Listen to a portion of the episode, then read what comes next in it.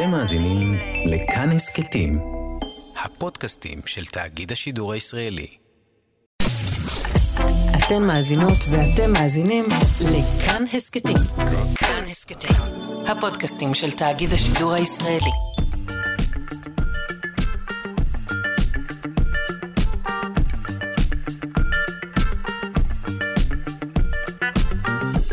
שלושה שיודעים.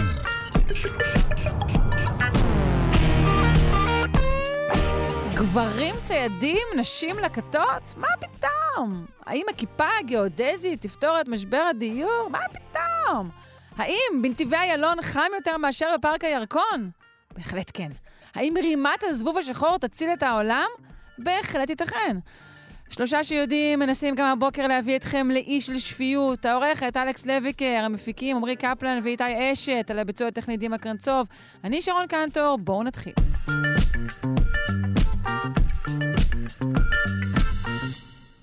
התפיסה הראשונית העולה בדמיוננו הוא של אה, גברים היוצאים לציד אה, אי שם בתקופה הפרה-היסטורית, בעוד הנשים אה, מלקטות, בוררות את הזרעים. אבל אה, ככל הנראה התפיסה הזו של החלוקה המגדרית אינה נכונה. נפנה לארתמיס שלנו, דוקטור יונת אשחר, מומחית התנהגות בעלי חיים, מכון דוידסון לחינוך מדעי, שלום. שלום, שלום, בוקר טוב. בוקר אור. אז אה, נכון מה שתיארתי, כאילו אם שואלים אנשים ככה, תדמיין אה, אה, חברה שהיא של לקטים ציידים, אז לרוב הם ידמיינו ציידים לקטות, נכון? כן, ויש לזה סיבה. זאת אומרת, זה מה שבעצם אמרו לנו במשך עשרות שנים. חוקרים שחקרו את התחום אמרו, כן, הגברים הם אלה שצדו, הנשים טיפלו בילדים, הם אספו באמת את הצמחים, פטריות, פירות, כל מיני דברים כאלה. אגב, תחום, תחום שאינו לבית. בשום צורה אה, אה, נחות מהציד, שלא לומר, אה, לא יודעת אם ההפך, לא, אבל... ו... ובאמת היו מחקרים גם שהראו שכנראה רוב הקלוריות, רוב בעצם המזון שאכלו אותם ציידים לקטים אה, לפני החקלאות, אה, באמת הגיע מהליקוט ודווקא לא מהציד. אה, אבל זה באמת היה באמת רעיון של חלוקה מאוד נוקשה לפי מגדר. נשים עושות דבר אחד, גברים עושים דבר אחר. טוב, אבל זה הגיוני, מכיוון שנשים יולדות ומטפלות בילודים. זה נראה הגיוני. נכון. אה, כן, זה נראה הגיוני, זאת אומרת, היו גם אה, אה, הרבה טענות שאמרו, כן, זה מתאים יותר לנשים, הן גם חלשות יותר, הן גם... יש להן אופי פחות תוקפני, הן לא כל כך אוהבות את כל העניין הזה. ובעצם גם על זה נבנו טענות של אה, פסיכולוגיה אבולוציונית, שאמרו שבמהלך האבולוציה, שני המינים, בעצם שני המגדרים, התפתחו ל... אמ, להיות בעלי יכולות שונות ונטיות שונות. אוקיי. זאת אומרת, הממצא... באופן טבעי, הנשים הן uh, uh, רוצות להישאר בבית, והגברים רוצים לצאת החוצה ולהרוג דברים. כן. הממצא הראשון שבעצם אולי סדק את העניין הזה. הוא ממצא ארכיאולוגי אה, של אה, קבר בן 9,000 שנים בפרו. שם בעצם אנחנו רואים אישה צעירה שלצידה כל מיני דברים שאנחנו לא יכולים לראות אותם כמו משהו אחר שהוא לא סכינים, נכון? ראשי חניתות? אה, סכינים, ראשי חניתות, כל מיני אה, כלי נשק שמשמשים לציד. ובאמת, אה, מה שהחוקרים אמרו זה ש... בכל מקום שבו נמצא קבר עם כל כך הרבה דברים כאלה, אז אנשים אומרים, טוב, זה מישהו שהיה צייד מאוד גדול, צייד מאוד רציני, מאוד העריכו את יכולות הציד שלו. רק שפה זה היה אישה, זו לא פעם ראשונה שזה נמצא, אבל זה היה אחד המקרים הראשונים שאנשים אמרו, אה, כן, יש פה משהו שאנחנו אולי לא חשבנו עליו קודם. אה, כי באמת אה, במקומות אחרים לפעמים היה ממש מחלוקת אם מדובר באישה או בגבר, אה, בגלל שאנשים אמרו, יש פה כל כך הרבה כלי נשק, לא יכול להיות שזה אישה. אה, אוקיי. ואז עשו, ואז עשו, אה, אה, הוציאו DNA ואמרו, תשמעו, יש פה שני כרומוזומי X. כלומר, את, זה... את אומרת שהייתה מן הסתם אה, הטיה מסוימת במחקר, הטיה של ההנחות הייתה... שאיתם אה, ניגשו לחקור. בלי שום ספק, הטיה, גם היה כל מיני דברים, היית יכולה לקרוא במחקרים. אה, אה, הקבר הזה הוא של אישה, אה, וגם בקבר הזה אנחנו מצאנו ראשי חניתות, אנחנו לא יודעים למה. אוקיי. עכשיו, אבל- כש- כש- אותו קבר שמוצאים באותו מספר של ראשי חניתות, אבל הוא של גבר, אה, יש בו ראשי חניתות כמו יד צייד. אבל אם זה של אישה, אנחנו לא יודעים למה זה שם. אוקיי, עכשיו אנחנו רוצים לדבר גם על עוד אה, אה, קבוצת חוקרים, אה, שחוקרת כל מיני חברות של ציידים לקטים באמריקה הצפונית והדרומית, ומה היא מוצאת לגבי אה, אה, ציידות. הקבוצה הזאת, עכשיו, המ- המחקר שהתפרסם ממש לאחרונה, הם בעצם סקרו, הם עשו סקירת ספרות אנתרופולוגית בעצם של מאה השנים האחרונות, לא רק מאמריקה, בעצם כל היבשות, שיש בהן חברות כאלה, שזה כל היבשות חוץ מאנטארקטיקה, והם אה, בחנו כמה עשרות של אה, אה, חברות כאלה, ומתוך אה, אה, 63 אה, אה, חברות שהיה בהן מידע, 63 בעצם תרבויות של ציידים לקטים מודרניים ממאה השנים האחרונות, שהיה בהם מידע על מי יוצא לציד, מצאו שביותר מ-80 אחוז, ב-50 מהן, שזה יותר מ-80 אחוז, גם נשים משתתפות בציד. הם עושות את זה לצד אה, הגברים, לא יותר מ- זה ביחד? כמעט 80 אחוז. אה, זה, לצד הגברים? זה במקום הגברים? אה, זה לא במקום הגברים, גם הגברים משתתפים בציד בכל התרבויות האלה. אה, הם עושות את זה לצד הגברים או בנפרד. זאת אומרת, בחלק מהמקומות נשים יוצאות לצוד בעצמן, או עם נשים אחרות. אה, בחלק מהמקומות הם יוצאים לצוד עם הגברים. אה, לפעמים זה צוותים של בעל ואישה. האם הציד הנשי יש, אה, הוא, הוא ציד שונה מהציד הגברי? האם הכלים הם שונים? החיות הניצודות אולי הן שונות? זה תלוי בתרבויות, יש תרבויות שכן. יש גם uh, כאלה, אבל זה המיעוט שבהם הציד של אנשים היה יותר אופורטוניסטי. זאת אומרת, אם את יוצאת בחוץ ורואה לטאות, אז הצד היית לטאות. אבל ברוב המקומות הציד הזה היה מתוכנן. זאת אומרת, נשים הכינו כלי נשק או מלכודות ויצאו כן, מה, מה שתיארת הוא מין סוג של, הייתי אומרת, ליקוט מן החי כמעט, ולא בדיוק כן, ציד. כמעט, כן. אוקיי. אבל ברוב המקומות זה היה אה, ציד מתוכנן לגמרי, הם יצאו לצוד. אה, והיו מקומות שבהם יש מסורות ציד שונות. זאת אומרת, אה, נשים צדות עם רשתות. אה, וגברים לפעמים מצטרפים אליהם ולפעמים צדים בדברים בצורה אחרת. או נשים צדות עם כלבים. וגברים לא כל כך צדים עם כלבים, אבל נשים כשהן יוצאות לציד הן לוקחות איתם כלבים. אה, מעניין. אז כל מיני מסורות כאלה. ומה הן עושות עם הילדים? כשאישה יוצאת, אשת קריירה של ציד יוצאת לצוד, מה, כן. מה היא עושה עם הילד? אז uh, אם זה תינוק קטן, אז כנראה שהיא, האם שיש לה תינוק קטן לא תצא לצוד, או תשאיר אותו עם מישהי ש, uh, שתטפל בו. Um, אבל אם הוא קצת יותר גדול, ובקצת יותר גדול אני מתכוונת אפילו כבר שלוש, ארבע, חמש, um, אז הראו- הם הראו שבחלק מהמקרים הילדים פשוט מצטרפים למסעות ציד. הם לא משתתפים בציד עצמו, אבל כשאנשים יוצאות לציד, uh, הילדים באים איתן. נחמד, וכך אה, לומדים את המקצוע אה, מגיל צעיר. כן. מעניין מאוד. אה, אז היינו אומרים שככלל, כשאנחנו מסתכלים באמת נגיד על קברים עתיקים, אז אמרת, זאת לא דוגמה בודדת, הדוגמה של האישה הצעירה שטענתי, שתיארתי מקודם. היית אומרת שהחלוקה היא בערך שווה של אה, גברים ונשים ו- ו- וכלים שנמצאו סביבן, כלי ציד? במחקר שהתפרסם לפני כמה שנים, הם בדקו את זה והם הראו שלפחות באמריקה, גם אמריקה הדרומית וגם אמריקה הצפונית, הם הראו שמבחינת הקברים הייתה חלוקה בערך שווה. אמ, אז אה, מן הסתם זה תלוי תרבות, והיו תרבויות שבהן אה, נשים יותר השתתפו בציד או פחות, אבל um, מה שמראים פה גם זה בעצם שבהרבה מאוד תרבויות, נשים בהחלט השתתפו בציד. אולי לא בכולן, אבל בהרבה מאוד מהן.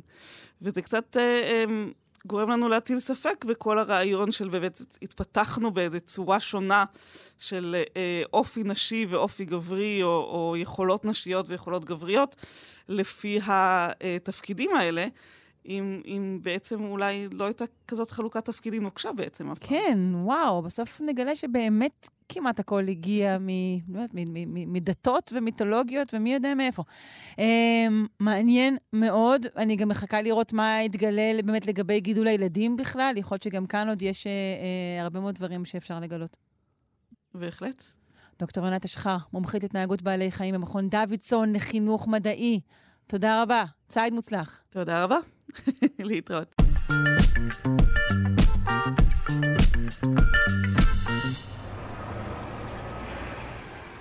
אם אתם uh, תקועים נגיד באזור איילון, ונדמה לכם שחם הרבה יותר מאשר אם הייתם כרגע בפיקניק בפארק הירקון, זה לא רק בגלל העצבים שלכם. אה, איים, האפשרות של אי נשמע טוב, אבל איי חום זה פחות טוב. אה, חוקרים מיפו באמצעות עטלפים את איי החום העירוניים בגוש דן. אה, בואו נשמע על המיפוי הזה ועל מסקנותיו מהפרופסור אלכסנדרה צ'ודנובסקי מבית ספר פורטר לסביבה וכדור הארץ באוניברסיטת תל אביב. שלום. בוקר טוב, שרון. בוקר, בוקר טוב למאזינים.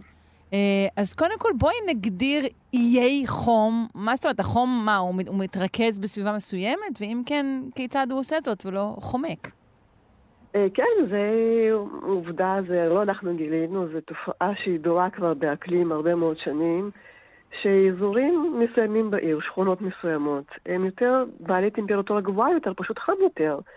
בגלל אה, מכוניות, בגלל השפעת האדם, אנתרופוגנית, ופשוט לא נעים להיות שם. גם כן תחושה, תחושת האדם, תחושה אקלימית היא לא נעימה. אה, זאת אומרת שזה בגלל, יותר... זה בגלל אה, ארכיטקטורה, מעברי אוויר, זה בגלל זה נגיד ריבוי כן של בניינים? נכון, זה יכול להיות, הכל הגורמים ביחד. נכון, זה גם כן אספלט, זה גם כן עדר של צמחייה, זה צפיפות גבוהה, זה נוכחות יותר אנשים, זה תנועה, מואצת, נכון, זה פליטות מזהמים, זה הכל יחד. ואתם החלטתם לנסות, לנסות כן. לבדוק ולנטר אה, את איי החום אה, בתל אביב, נכון? אני, אנחנו גם כן לא היינו שוב ראשונים, זה כבר נעשה ב, באוניברסיטת תל אביב עוד בשנות האלפיים. אה, גם כן עם תמונות לוויין וגם כן אה, ניסוי באמצעות מטוס. אה, כלומר, זה נעשה, אבל חלפו 23 שנים. ומכיוון שבארץ יש תחנות מטאורולוגיות מועטות, רק 3, 4, 5 באזור גוש דן, אנחנו בהחלט לא יכולים לתת תמונה. רק? בקושי חמש בגוש דן? וואו. כן, אוקיי, לא מוזר. בגוש דן, באזור של תל אביב. Uh-huh, באזור אוקיי. תל אביב. עכשיו, אם אני מגדילה לי לגוש דן, אני עדיין לא יכולה להגיע לעשר. ורגע, בעצם למה חשוב לנו למפות איי חום? מה ההשלכה של איי חום על חיינו ובריאותנו, חוץ מזה שאנחנו אה, אולי אה, מיוזעים מעט יותר, מצחינים מעט יותר? אז זה יכול להיות גם כן השפעה בריאותית. זה יכול להשפיע. עכשיו, במיוחד עכשיו יש אה, עלייה בטמפרטורה, טמפרטורה אולי, מה לעשות, זה שינוי אקלים. אה, זה גם כן, זה תחושה, קודם כל זה בריאותי. אז אנחנו רוצים לשנות את זה, אנחנו רוצים לתכנן נכון. אנחנו רוצים לגור בעיר שכיף להיות בה, שכיף להסתובב בה, שאנחנו נרגיש שם טוב. כן. זה יכול לעלות לחץ דם. כלומר, יש הרבה מאוד uh, מחקרים שמעידים על כך. אוקיי. ואם אז... אנחנו מדברים בכלל על גלי חום, אז למשל באירופה, על 2022, זה גרם לתמותה של אנשים. כלומר, כאלה אזורי אי חום הם בהחלט, כשאנחנו מדברים גם כן על קיץ חם, בהחלט זה עלול אף להביא לתמותה מוגברת. אז רק אתמול אה, דיברנו כאן על אה, אה, שיתוף פעולה אה, בין אה, המעבדה לחקר הטלפים בעצם לחקר של, של התלמוד, ועכשיו אנחנו מגלים שאפשר גם בעזרת העטלפים אה, לחקור את אותם איי חום. נכון, פשוט זה קל יותר. אנחנו שמים סנסור, במקום תמיד היו שמים סנסורים. זה כמובן, זה השותף שלי ממעבדת הטלפים, אה, יוסי יובל. יוסי יובל, בוודאי. וסטודנטית יוסי יובל והסטודנטית שלו, איה גולדשטיין, והשותפים שלי, זה מישהו שהפעילו שטח לאימות, אנחנו חייבים לאמת אותם. זה פרופסור עודד פוצ'טר ולימור שעשוע בר. אז אה, מה שהטלפים מודדים, אנחנו, הם הפעילו ממש ניסוי שטח רחב בתל אביב על מנת לאמת את הממצאים של הטלפים. איך זה נעשה? אז פשוט שמנו סנסור, במקום שהוא מודד חום גוף של הטלף, פשוט הפכנו אותו, והם מדדו טמפרטורה.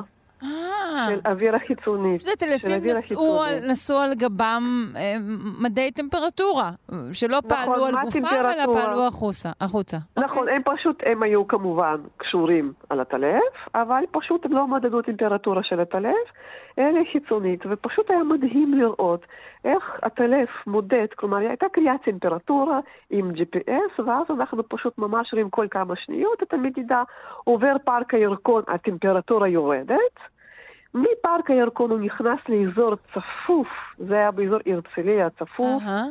מיד טמפרטורה עולה.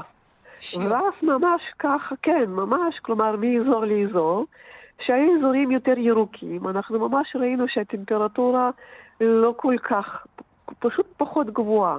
כן. אה, ואז התופעה הזאת הייתה מדהימה, כלומר, אנחנו, אני חושבת שאנחנו באמת צריכים לתת איזשהו מענה, לבוא לעיריית, תל- לא רק לעיריית תל אביב, לכל עירייה, ולבקש ולדרוש אולי שינוי תכנון. אנחנו אה, רוצים כן, עיר זה מדהים, עוד. ועוד שכונות נבנות, לא תמיד עם מחשבה על יירוק שלהן, או הרבה פעמים בלי שום מחשבה על יירוק שלהן, לא חושבים על הטמפרטורות, יאללה, שימו מזגנים, הכל יהיה בסדר. על אה, סוכה, מרפסת חושבים, אבל פחות על, אה, על ירוק מסביב. אני רוצה לשאול אותך בעצם על היתרונות של הטלפים, נגיד מול רחפנים, כי לכאורה יכולתם לשים מדי טמפרטורה על רחפנים. אני גם כן שמתי, כלומר יש לי גם כן ניסוי בקבוצה שלי שאנחנו שמנו באמת גם כן מכשירי זיהום אוויר. הבעיה, הבעיה עם רחפן, כלומר הרחפן הוא יותר יציב, הוא, יש בו יתרונות, אבל לקבל אישור זה מאוד בעייתי. אי אפשר לטוס מעל אזור אורבני, כלומר אני קיבלתי אישור מיוחד בשביל להפעיל שתי רחפנים. וטוב שכך, זה- זה עושה הרבה רעש מרגיז, אני שונאת את זה. אה, כן, אבל אם זה במבוקר, אם זה בשיטה מבוקרת, זה דווקא כן טוב. אבל, כלומר, זה ממש אה, בלתי אפשרי. של, כלומר, יש עניין של חקיקה וזה אי אפשר לעשות את זה. כן. אה, אבל אני גם כן רוצה לספר לכם אבל יש להם גם יתרונות לעטלפים בזה שאולי אה, לא צריך לטעון אותם, נכון? לא, כן, יש בטריה, שזה כאמור, כאמור, זמן, בזמן, כלומר, אצל אה, רחפן, נכון, את צודקת, אני מסכימה איתך, זה תוך 20 דקות חייבים להחליף בטריה, בטח. כן, ואצל הטלף לא. כן. אה, פחות, פשוט יותר זמן. אז כן, בעצם. הטלפים ממש אפשר לומר עובדים בשבילכם החוקרים, אתם צריכים לצ'פר אותם לדעתי. כן, נכון, אני חושבת שהם משאירים סימנים בתל אביב. הם אוכלים אה, עצי פירות, והם אה, בוודאי, אנחנו, אני חושבת שאנחנו צריכים לה- להשתמש בכל אמצעי בשביל למפות את הסביבה, בשביל לשפר את האיכות הסביבתית של האדם בעיר. וזה גם יכולים להיות עטלפים, זה גם כן תושבים שהם יכולים, את יודעת, לשים מכשיר קל, או באוטו, או במרפסת, בכל מקום, שאנחנו נוכל ממש לקרוא, אבל אה, לקרוא את הדאטה. היתרון עם עטלפים שהם גם כן טסים לגובה. כלומר, כאן אנחנו גם כן קיבלנו מפה תלת-ממדית. את יודעת, איך משתנה הטמפרטורה עם הגובה. כלומר, אם את גרה בקומה שמונה או בקומה חמש, כלומר, איך את מרגישה? וכמובן בכל האזורים שונים אחרים בעיר. וגיליתם גם בקומות. גבוהות האוויר קר יותר? נכון, אנחנו ראינו, כן, כלומר זה נקרא מפל טמפרטורה, איך טמפרטורה משתנה עם הגובה. וממש ראינו גם כן שינוי, שזה לא רק ב, אה, אה, מה שנקרא מרחבי, שזה גם כן בתלת מימד, אנחנו רואים שינויים שונים באזורים שונים. כלומר, הטלפים איששו את מה שההיגיון הבריא אומר. אה, יותר צל בדיוק. ויותר אוויר חופשי, הם, הם מייצרים טמפרטורה נמוכה יותר. נכון מאוד, נכון, הם פשוט הוכיחו את התיאוריה, נכון מאוד. הבנתי. וככה אנחנו היינו מאוד מאוד, מאוד, שמחים לקבל את ה data הזה. כן, טוב, אני מקווה אה, שהמסקנות אה, יוסקו ממחקר הטלפים הזה, ואני מודה לך, פרופ' אלכסנדרה אה, צ'ודנובסקי, בית ספר פורטר אה. למדעי הסביבה וכדור הארץ באוניברסיטת תל אביב. תודה להתראות. יום מקסים, תודה רבה.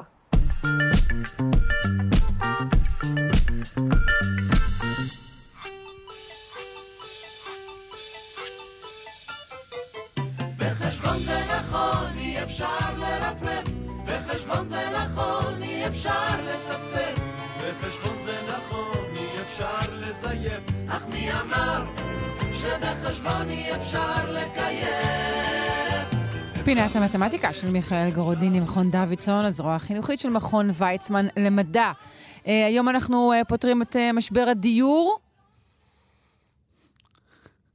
מ- מנסים, מנסים ולא מצליחים. גם אנחנו רוצים לא להצליח במשימה הזאת. אוקיי. אז אה, אה, למעשה מדובר ברעיון שבשלב מסוים במאה ה-20, אה, היו שחשבו שהמבנה המתמטי הזה אה, יכול לעזור אה, בפתרון, הדי, בפתרון אה, משבר הדיור. אה, שתמיד, שתמיד יש בגרסה כזאת או אחרת, גם, אה, גם, גם אז היה, לא בארץ, אה, ב- ב- במקומות אחרים בעולם, וזוהי הכיפה הגיאודזית. כיפה גיאודזית, אוקיי. כיפה, כיפה גיאודזית, מבנה אה, אה, קל, נוח, ש, אה, שיכול, להיות, אה, שיכול להיות מתאים לכל. זה- זה זה זאת? כיפת המשולשים הזו?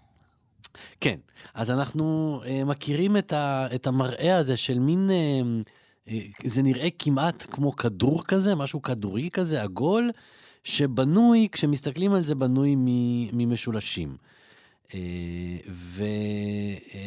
וזאת זאת צורה, זאת צורה מתמטית.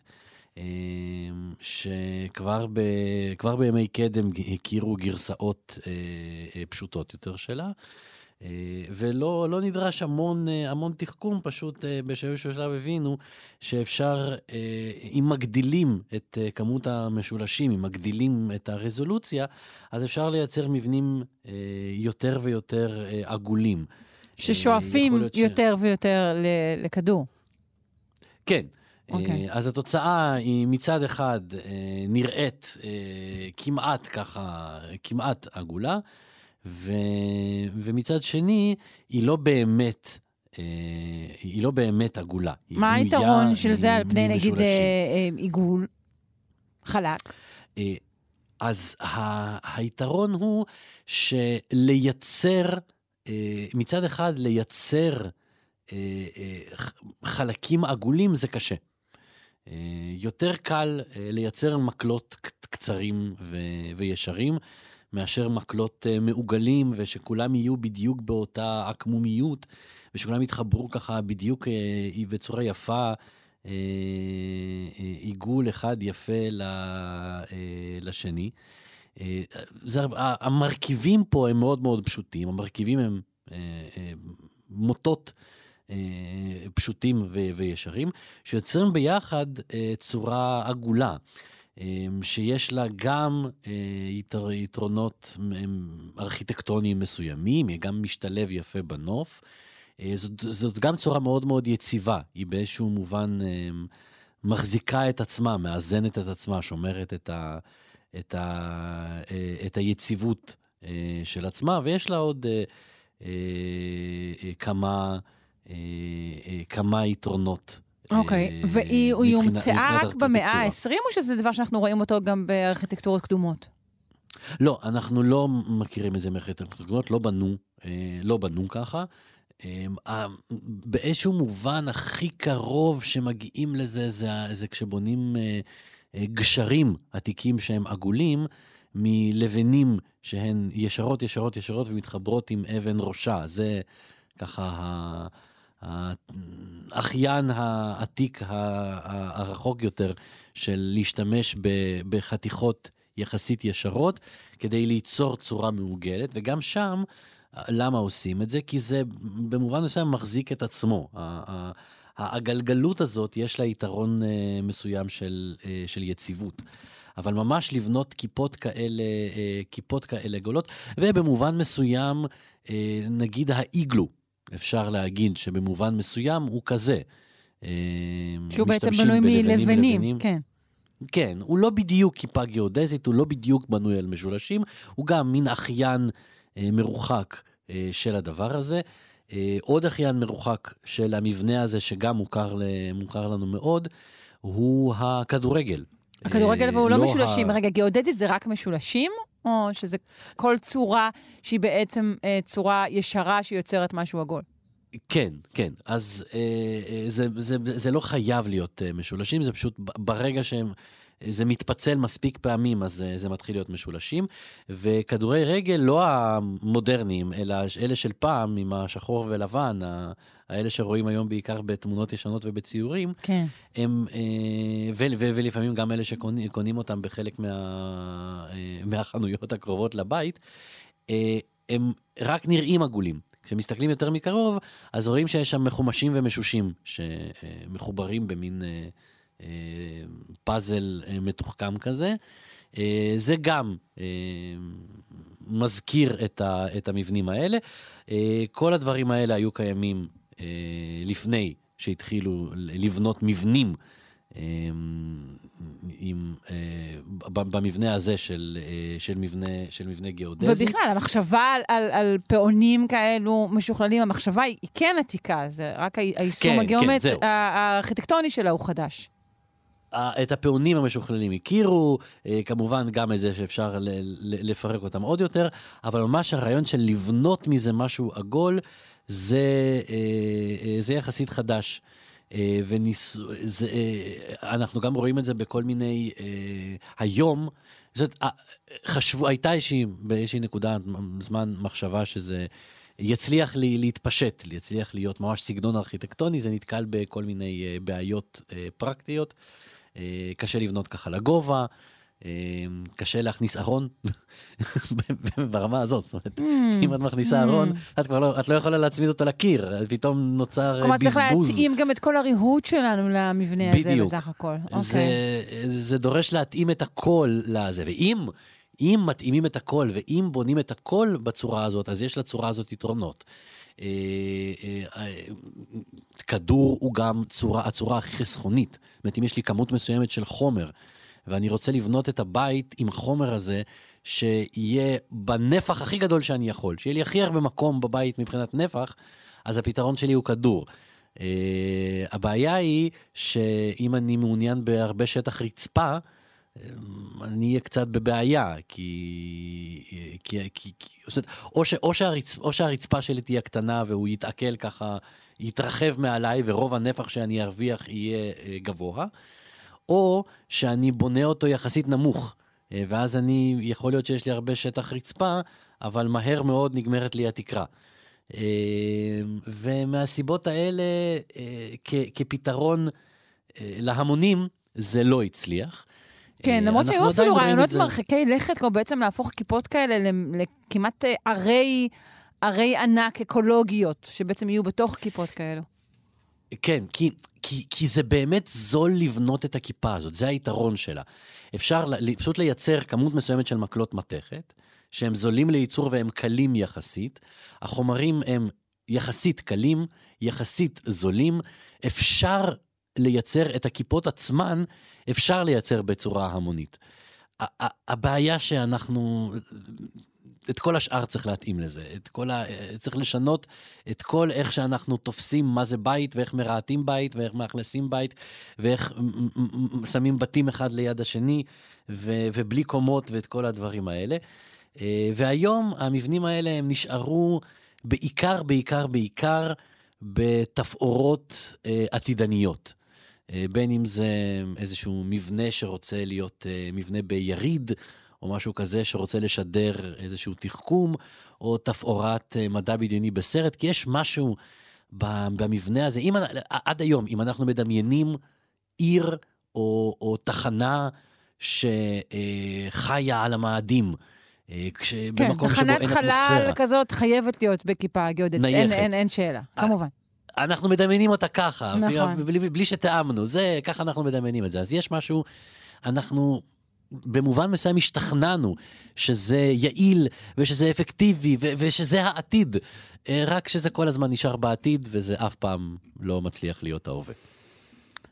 יפה. אה, עיקרון גיאומטרי מעניין, אה, יישום יפה, אה, אבל לא באמת אה, יעיל כמו שחשבנו. תודה רבה לך, מיכאל גורדיני, מכון דוידסון, הזרוע החינוכית של מכון ויצמן למדע. בשמחה.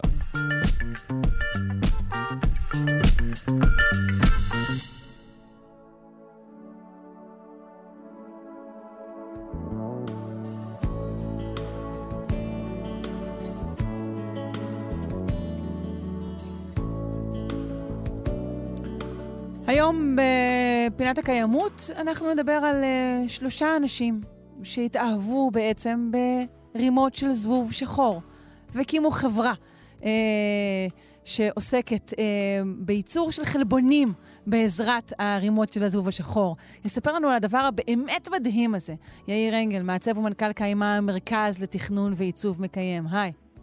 בוקר טוב, שרון. בוקר אור. אנחנו רוצים לדבר על uh, חברת... Uh, פריזם. פריזם, נכון? כן. סטארט-אפ ישראלי. נכון, אה, שמצאו בעצם פתרון כלכלה מעגלית בתחום המזון. אה, וכמו שאמרתם, אה, פיתחו ומפתחים טכנולוגיות לייעול תהליך הגידול של חרקים לשימוש בתעשיית מזון בעלי חיים. אה, אז אה, אמרת, שלושה חברים, יובל גלעד, יואב פוליטי ועידן אליגור, הם אה, שלושתם סיימו את הדוקטורט שלהם במכון ויצמן. אה, שניים מהם חברים עוד מהגן, והם נעשו חברים והחליטו שהם רוצים לעשות משהו הם- מעניין הם עם מה עוד שהם אכ- למדו. אכלו רימות בארגז החול יחד, כן. בדיוק, כן. אז הם חקרו ובדקו כל מיני אפשרויות והתאהבו, אשכרה, אלה המילים של יובל, בזבוב החייל השחור. עכשיו, הם אה, לא היחידים שזיהו את הפוטנציאל שטמון בחרק הזה, אה, גם עבור האדם ואולי אפילו עת- עת- לעתיד האנושות, ולמעשה התחום הזה כבר זוהה עם פוטנציאל גבוה לפני יותר מעשור ומתפתח נורא מהר. אז אבל רגע, למה? בוא נדבר רגע על, על הזבוב הזה, על כן. הרימות שלו. מה, הוא מייצר אה, אה, חלבון בצורה יעילה יותר? כן, הוא, קודם כל הוא מקור חלבון מאוד איכותי ומקיים, שאפשר לייצר ממנו אה, חלבון להזנה של חיות משק. יהיה לו בטח גם בסופו של דבר אישור למזון לבני אדם, אבל זה לא העניין כרגע. אה, הכוונה היא לאכול את הזבוב עצמו, לא להשתמש בו ככלי ייצור יעיל? לא, אפשר, אפשר אה, להשתמש ברימה לייצור חלבון, או לתת את הרימות האלה לבעלי חיים למאכל אה, ישירות. Mm, כמו אוקיי. שהן, רימות. הדבר השני הוא שהרימות האלה הן אה, מכונת מחזור מדהימה ויעילה של הטבע, והן הן, אה, מצליחות לאכול כל מיני פסולות אורגניות, שזו בעיה ענקית, ובעצם לסגור את המעגל הזה של הכלכלת מזון. כלומר, שוק הטיפול למשל בפסולות של מזון היום נאמד במאות מיליאר, מיליארדי דולרים. במקביל, שוק מזון בעלי החיים נאמד היום ב-500 מיליארד דולר בשנה. זאת אומרת, אלה שני שווקים מקבילים שהזבוב נותן פתרון לשניהם. אז רגע, נגיד יש לי ערמה ענקית של קומפוסט, כזה של, נכון, של אינספור אה, ירקות או חלקי ירק אה, שלא השתמשו, אז מה, אני מוסיפה לה את הרימה הזו, את הזבוב הזה, ואז מה קורה? אז זהו, הוא, ה- ה- ה- זבובי, זבוב החלש השחור, הוא, המקור שלו הוא באמריקה, אבל הוא בעל תפוצה עולמית. עכשיו, הזבובים האלה, יש להם אה, מחזור חיים מאוד מאוד קטן, הם, אה, הזבוב והזבובה מזדווגים, הזבובה מטילה משהו כמו אלף ביצים, שזה משהו מאוד מאוד קטן. זה וה- כלום, מה זה אלף ביצים? זה כלום. נכון, והזבוב הזה, הרימות האלה, מרגע שהן בוקעות, הן גדלות, הן אוכלות וגדלות פי 8,000 תוך 14 יום. תחשבי על תינוק שגדל תוך 14 יום ומגיע לגודל של שלושה פילים. עכשיו, ה- הן אוכלות את, ה, את, ה, את הפסולת, ובעצם אה, הופכות בעצמם, ל, אה, מעכלות את הפסולת והופכות בעצמם לחלבון. אה, עכשיו, מה, מה עשו פריזם? הטכנולוגיה הזאת היא מוכרת. אה, הם הצליחו לעשות טיפול, לפתח טיפול מיוחד ברימות של הזבוב, אה, והם קוראים לזה פוזם, הם בעצם לוקחים את הניאונייטס, שזה הלרוות הקטנות מאוד שבוקעות, ומשהים את הגידול שלהם ל-14 יום, שזה בעצם כל זמן הגידול שלהם. ולכן את יכולה לקחת את, ה, את הלרוות הקטנות, מאוד מאוד מאוד קטנות. היום אני אתן לך ממש דוגמה. 22 מיליון neonates הם חצי קילו, זה הכל. הופכים אה, לארבעה טון של לרוות שמנות תוך שבועיים, אחרי שהם אכלו 15 טון של פסולת אורגנית. שמהתהליך הזה אפשר, יוצרים ארבעה טון של דשן, כי ההפרשות שלהם זה דשן, ומהזחלים עצמם מפיקים טון של חלבון וחצי טון שמן בערך. שכל הדברים האלה אפשר לייצר ממזון לבעלי חיים. אז העניין הוא בעצם להשאיר את, ה, את הזבוב הזה במצב של רימה נצחית, כאילו להשאיר אותו במצב רימה. כן, אה, אלא אם כן, עוד פעם, יוצרים עוד פעם, אה, אה, זה, זה במעגל סגור, זה לא נותנים לצאת החוצה, אבל הם דרך אגב, הם נמצאים בכל מקום, אפשר לראות אותם, הם לא עוקצים, אז לכן אנשים פחות שמים אליהם לב, אבל ברגע שאת מזהה אותם, את כבר רואה אותם. הם מגיעים בעיקר למקומות שיש פסולת אורגנית, למשל לקומפוסטרים, כן? אבל הטיפול בהם, אם, אם נחשוב על זה למשל, גוש דן מייצר כמה מאות טונות של פסולת אורגנית כל יום, במקום לה, להעביר את זה לחירייה ומשם להעביר את זה לדרום להטמנה, היה פוטנציאלית, אפשר להכניס את זה לכל מיני מפעלים כאלה, לזרוק בפנים כמה מיליארדים או מאות מיליונים של neonates, הם היו אוכלים את זה, הופכים למזון ולדשן, ולעוד כל מיני חומרי גלם אה, יקרים. אפשר לייצר מהם, דרך אגב, גם חומרים שמתאימים לתעשיית הקוסמטיקה והמזון. אמ, וזה, זה, נשאיר את זה לאחר כך אם יהיה לנו זמן, ובעצם היינו משאירים את כל, היינו הופכים את הפסולת שלנו באמת באמת למזון, וזה המהות של כלכלה מעגלית. ואין איזושהי השלכה ל- לריבוי אה, כזה, ריבוי סינתטי של, של זבובים בכזה אופן? לא, זה לא, זה, זה ריבוי טבעי, הם לא, אין פה התערבות בזה, זה פשוט מגדלים אותם במעגל סגור, ואין אין לזה, אין לזה שום השלכה בעניין הזה. איפה זה נמצא? כבר, כבר יש מדינות שכבר ניסו את זה אצלם? הם כבר שולחים רימות אה, לרחבי העולם, הסטארט-אפ הזה? הם כבר שולחים רימות לרחבי העולם, ויש היום בעולם 40 מותגים של מזון כלבים וחתולים שמשתמשים בקמח, אה, בעצם קמח אה, חרקים. למזון לבעלי, לבעלי חיים. אה, זה התחיל, כל הסיפור הזה, רק לפני שנתיים, שאחת החברות הגדולות התחילה עם זה, והיום יש כבר 40 מותגים כאלה. עכשיו, אה, אה, הרבה יותר קל לשכנע אנשים כנראה לתת לכלבים ולחתולים שלהם אוכל מחרקים מאשר לאכול את זה בעצמם. והיום בכלל יש מושג שנקרא, כמו שיש carbon footprint, הם קוראים לזה po footprint, טביעת רגל של בעל חיים. כן. ואנחנו מדברים פה על שוק ענק, שוק מזון בעלי חיים הוא שווה 70 מיליארד דולר בשנה. כן, בעולם. אולי כי גם נורא נורא מפקיעים את המחירים שלו, אז לכן הוא שווה כל כך הרבה. אנשים חושבים שזה הכל מפסולת וזה, היום מדברים על זה שתעשיית מזון בעלי חיים צורכת בשר כמו כל טקסס. והם לא רק מתעסקים בשאריות, אלא גם ממש במזון מהחי בבעלי חיים. עכשיו, אה, היום יש עשרות אתרים שמתבצע בהם פירוק של פסולת בשיטה הזאת בעולם, וזה מתפתח ממש בקצב אדיר. עשרה מהאתרים האלה מפעלי ענק שפעילים ומייצרים חלבון חרקים. מה שפריזם עושים, הם בעצם, המטרה שלהם להפוך להיות חוות הזרעים לתעשיית ייצור החלבון. כלומר, הם יודעים להפריד את הרבייה מהייצור, ואז מי שרוצה להקים כזה מפעל, הרי במקום להתחיל לגדל את כל הרימות האלה, שצריך בשביל זה לדעת ביולוגיה, אנטומולוגיה, המון פטנטים וידע שיש אותם לפריזם, שזה סטארט-אפ קטן, הם יכולים לקבל מהם את הזרעים, בעצם את הנאנץ האלה, את הלרוות, ולייצר מזה תעשייה שלמה. שאפשר לעשות ממנה הרבה דברים, והנה הגעתי להגיד שבצרפת למשל יש חברה אה, שלמה שמייצרת חיטין, שזה חומר אה, שמייצרים אותו מה, אה, מהלרוות האלה, בעצם שהן הופכות לגולם, אה, ומשתמשים בזה, עושים מזה חוטי תפירה לניתוחים. וקפסולות לתרופות ולקוסמטיקה. שו. והדברים האלה יש להם פוטנציאל, באמת, גם בטיפול בפסולת, גם בייצור מזון וגם פוטנציאל כלכלי מאוד גבוה. החברה הישראלית הזו היא, היא היחידה או בין היחידות שעוסקות בזה?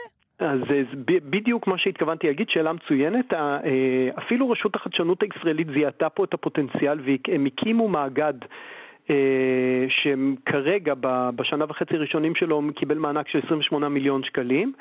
אה, שמי שמוביל אותו הוא דוקטור יובל גלעד מפריזם, וחברות בו היום שמונה חברות ישראליות ועוד חמש קבוצות אקדמיות, והכוונה זה להגדיל את זה ולהבין את כל הפוטנציאל האדיר של ה...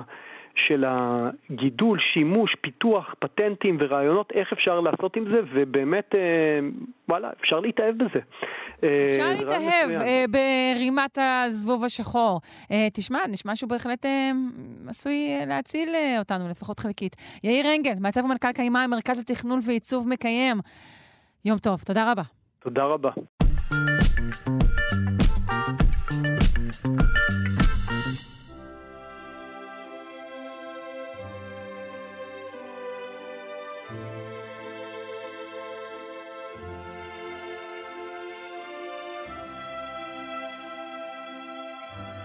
אה, פינת השירה של רונה ישראל קולט, מורה לפיתוח קול וחוקרת קוגניציה ווקאלית באוניברסיטה העברית. היי! שלום, בונז'ור, מה שלום, שלומך? שלום. אני ברוכה בסדר. אה, ברוכה, ברוכה אני. כן, אנחנו אה, מציינות אה, השבוע בחיקויים קלוקלים אלו את אה, יום העצמאות הצרפתי, נכון? נכון, והם חוגגים באמת מספר יפה, 2, 3, 4, 234, אם עשיתי חישוב נכון. ובאמת זה מוקדש לכמה עובדות על השירה בצרפתית, שיש לה מאפיינים ייחודיים שהופכים אותה מצד אחד למאתגרת קצת, אבל מצד שני למאוד אפקטיבית, גם טכנית וגם מבחינת ההבעה. אבל חשוב להדגיש שזו לא פינה על בלשנות צרפתית, כי אני לא מבינה בזה, אלא על ביצוע בשפה הצרפתית, אה, כי אני לא צרפתייה, אבל כל זמר בעל הכשרה קלאסית, אומנותית, אה, כבר הזכרנו בכמה וכמה פעמים שזמר קלאסי צריך לעבור הכשרה של 4 עד 8 שנים עד שהוא אה, מתמקצע, אז הסטנדרט ההכשרה מחייב ללמוד הגייה נכונה.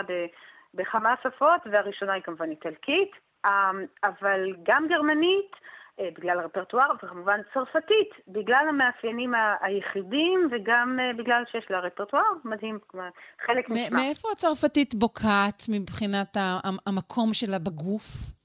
היא, היא שפה אה. שהיא יותר, יותר גבוהה, יותר מהפה, מהלשון, מהגרון. אז, אז באמת יש, אה, יש באמת, אה, יש לה מאפיינים, תכף אני אגע בהם, אבל בוא נגיד איפה השורש, איפה השורש במשפחת השפות, אז היא שפה גלו-רומנית, זאת אומרת שורש לטיני עם קצת גאלית, כמו של אסטריקס, עם אה, השפעות פרה של פרנקית עתיקה, אה, ובמאה ה-17 באמת הייתה הלינגווה פרנקה, כולנו במאה ה-17, כולנו ידענו לדבר צרפתית, ולא הייתה בעיה איפה זה באנגוף, או אם זה שונה מאנגלית או איטלקית, כי הייתה באמת שפת התקשורת הבינלאומית של העולם המערבי, וגם כיום היא מדוברת על ידי כ-220 מיליון בני אדם, אבל כשפת אם היא בעיקר בצרפת, בקנדה, ובגלל הקולוניאליזם גם באפריקה המערבית. אבל כמובן כל ארץ מדברת במבטא הייחודי שלה עם אה, כל מיני מאפיינים, אבל אה, יש את המאפיינים של השפה, אבל אני בואי קודם באמת שהבלגים, נשמע. אני חושבת שגם הבלגים לדעתי מרימים פה איזה יד. דברים. נכון, היי, הבלגים, ובלוקסמבורג, ובשוויץ היא היא, אה, שפה רשמית, והיא היא בהחלט אה, מדוברת אה, בכל, אה, בכל אירופה, בכל יבשת מדברים צרפתית. אבל הנה בואי נשמע את השפה לפני שהם מדברים עליה, בואי נשמע אותה.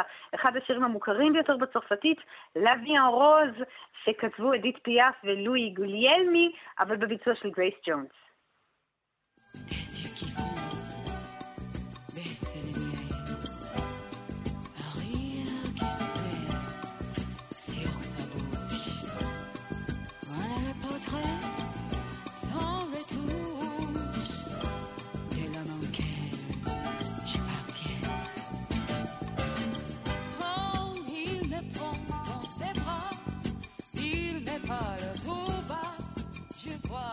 נו, אז הבית ששמענו עכשיו, או, אה, אני חושבת שהוא בעצם מחזק את השאלה שלי.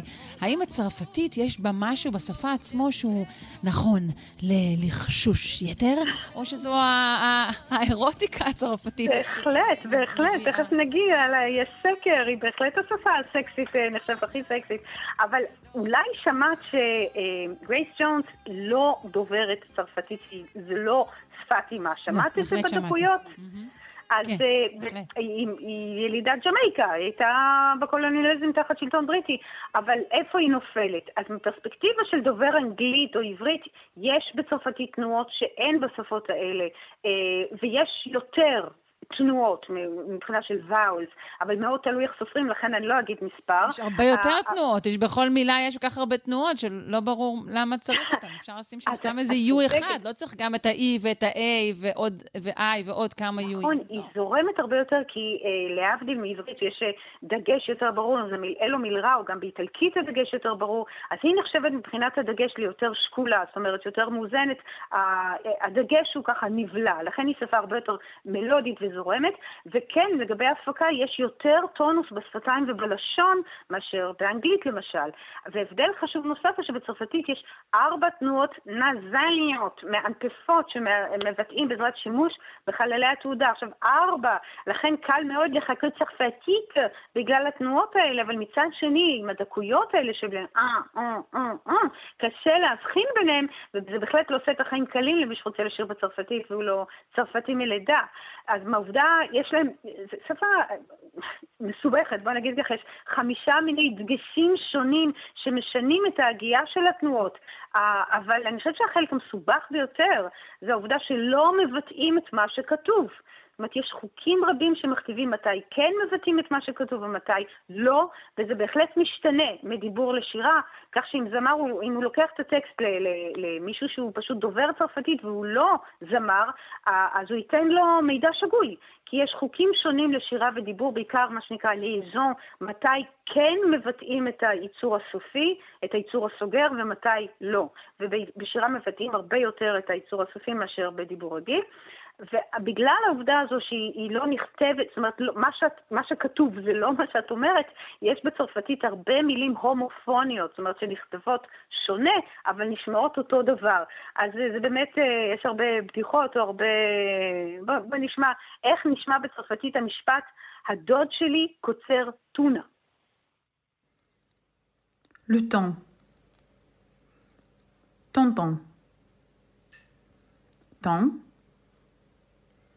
Temps. טון. טון, טון, טון, טון, טון, טון. זה הדוד, טון, טון, טון, טון, טון, טון, זה הדוד שלי קוצר טונה, ויש עוד הרבה כאלה. כן, זה נשמע קצת mm-hmm. אה, צ'רקסית, גם יש להם בצ'רקסית אה, את ה...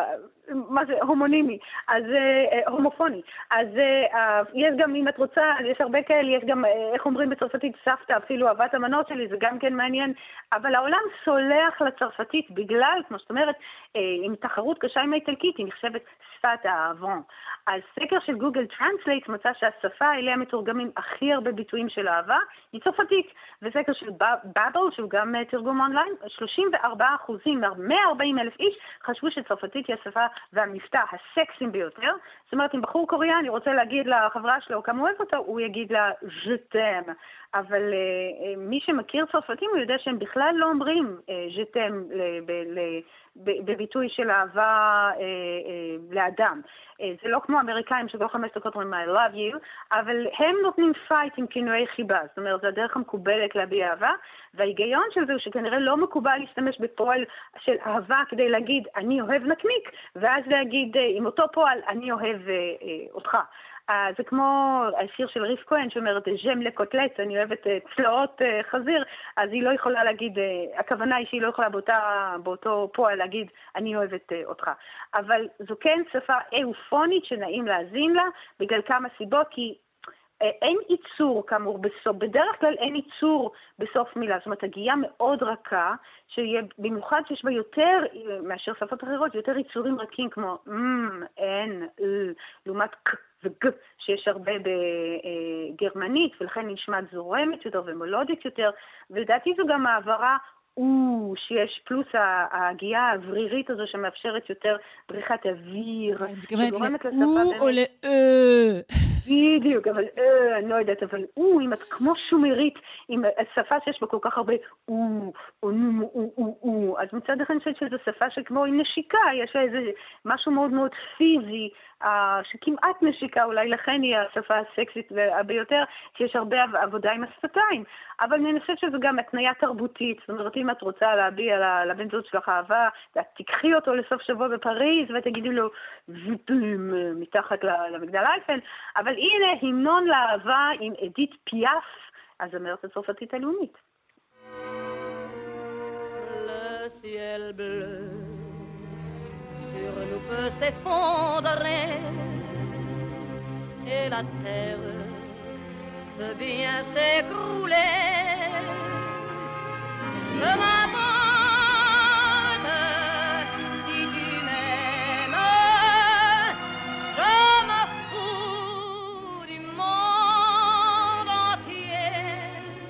עליה. אין עליה, אבל אולי שמעת כמה הרייש שלה מיוחדת, כי היא מבוטאת... זהו, אבל זה רייש...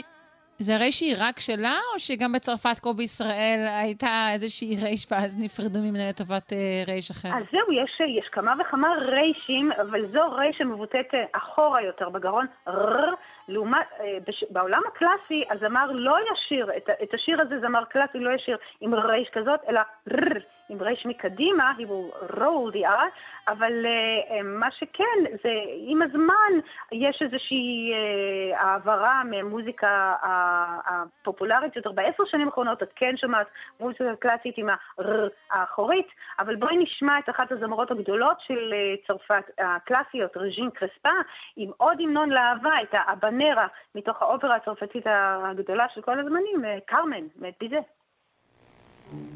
prière,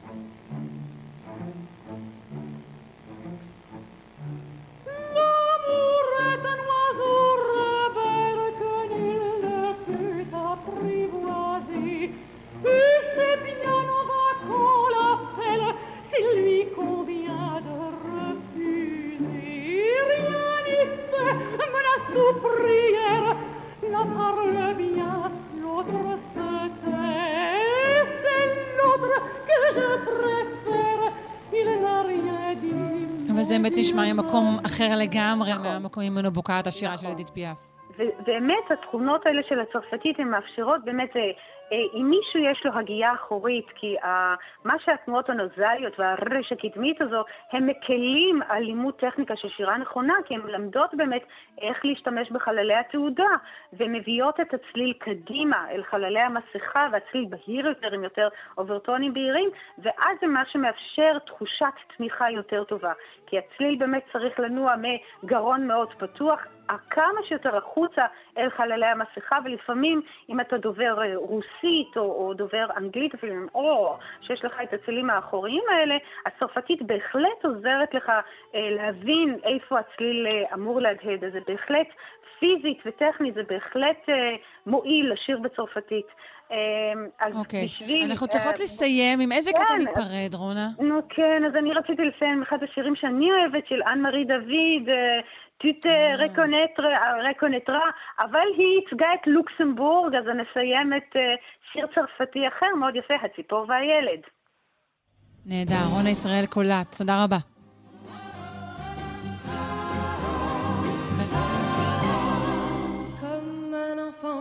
aux yeux de lumière qui voit passer au loin les oiseaux, comme l'oiseau bleu survolant la terre, voit comme le monde, le monde est beau. Pour le bateau dansant sur les vagues, ivre de vie, d'amour et de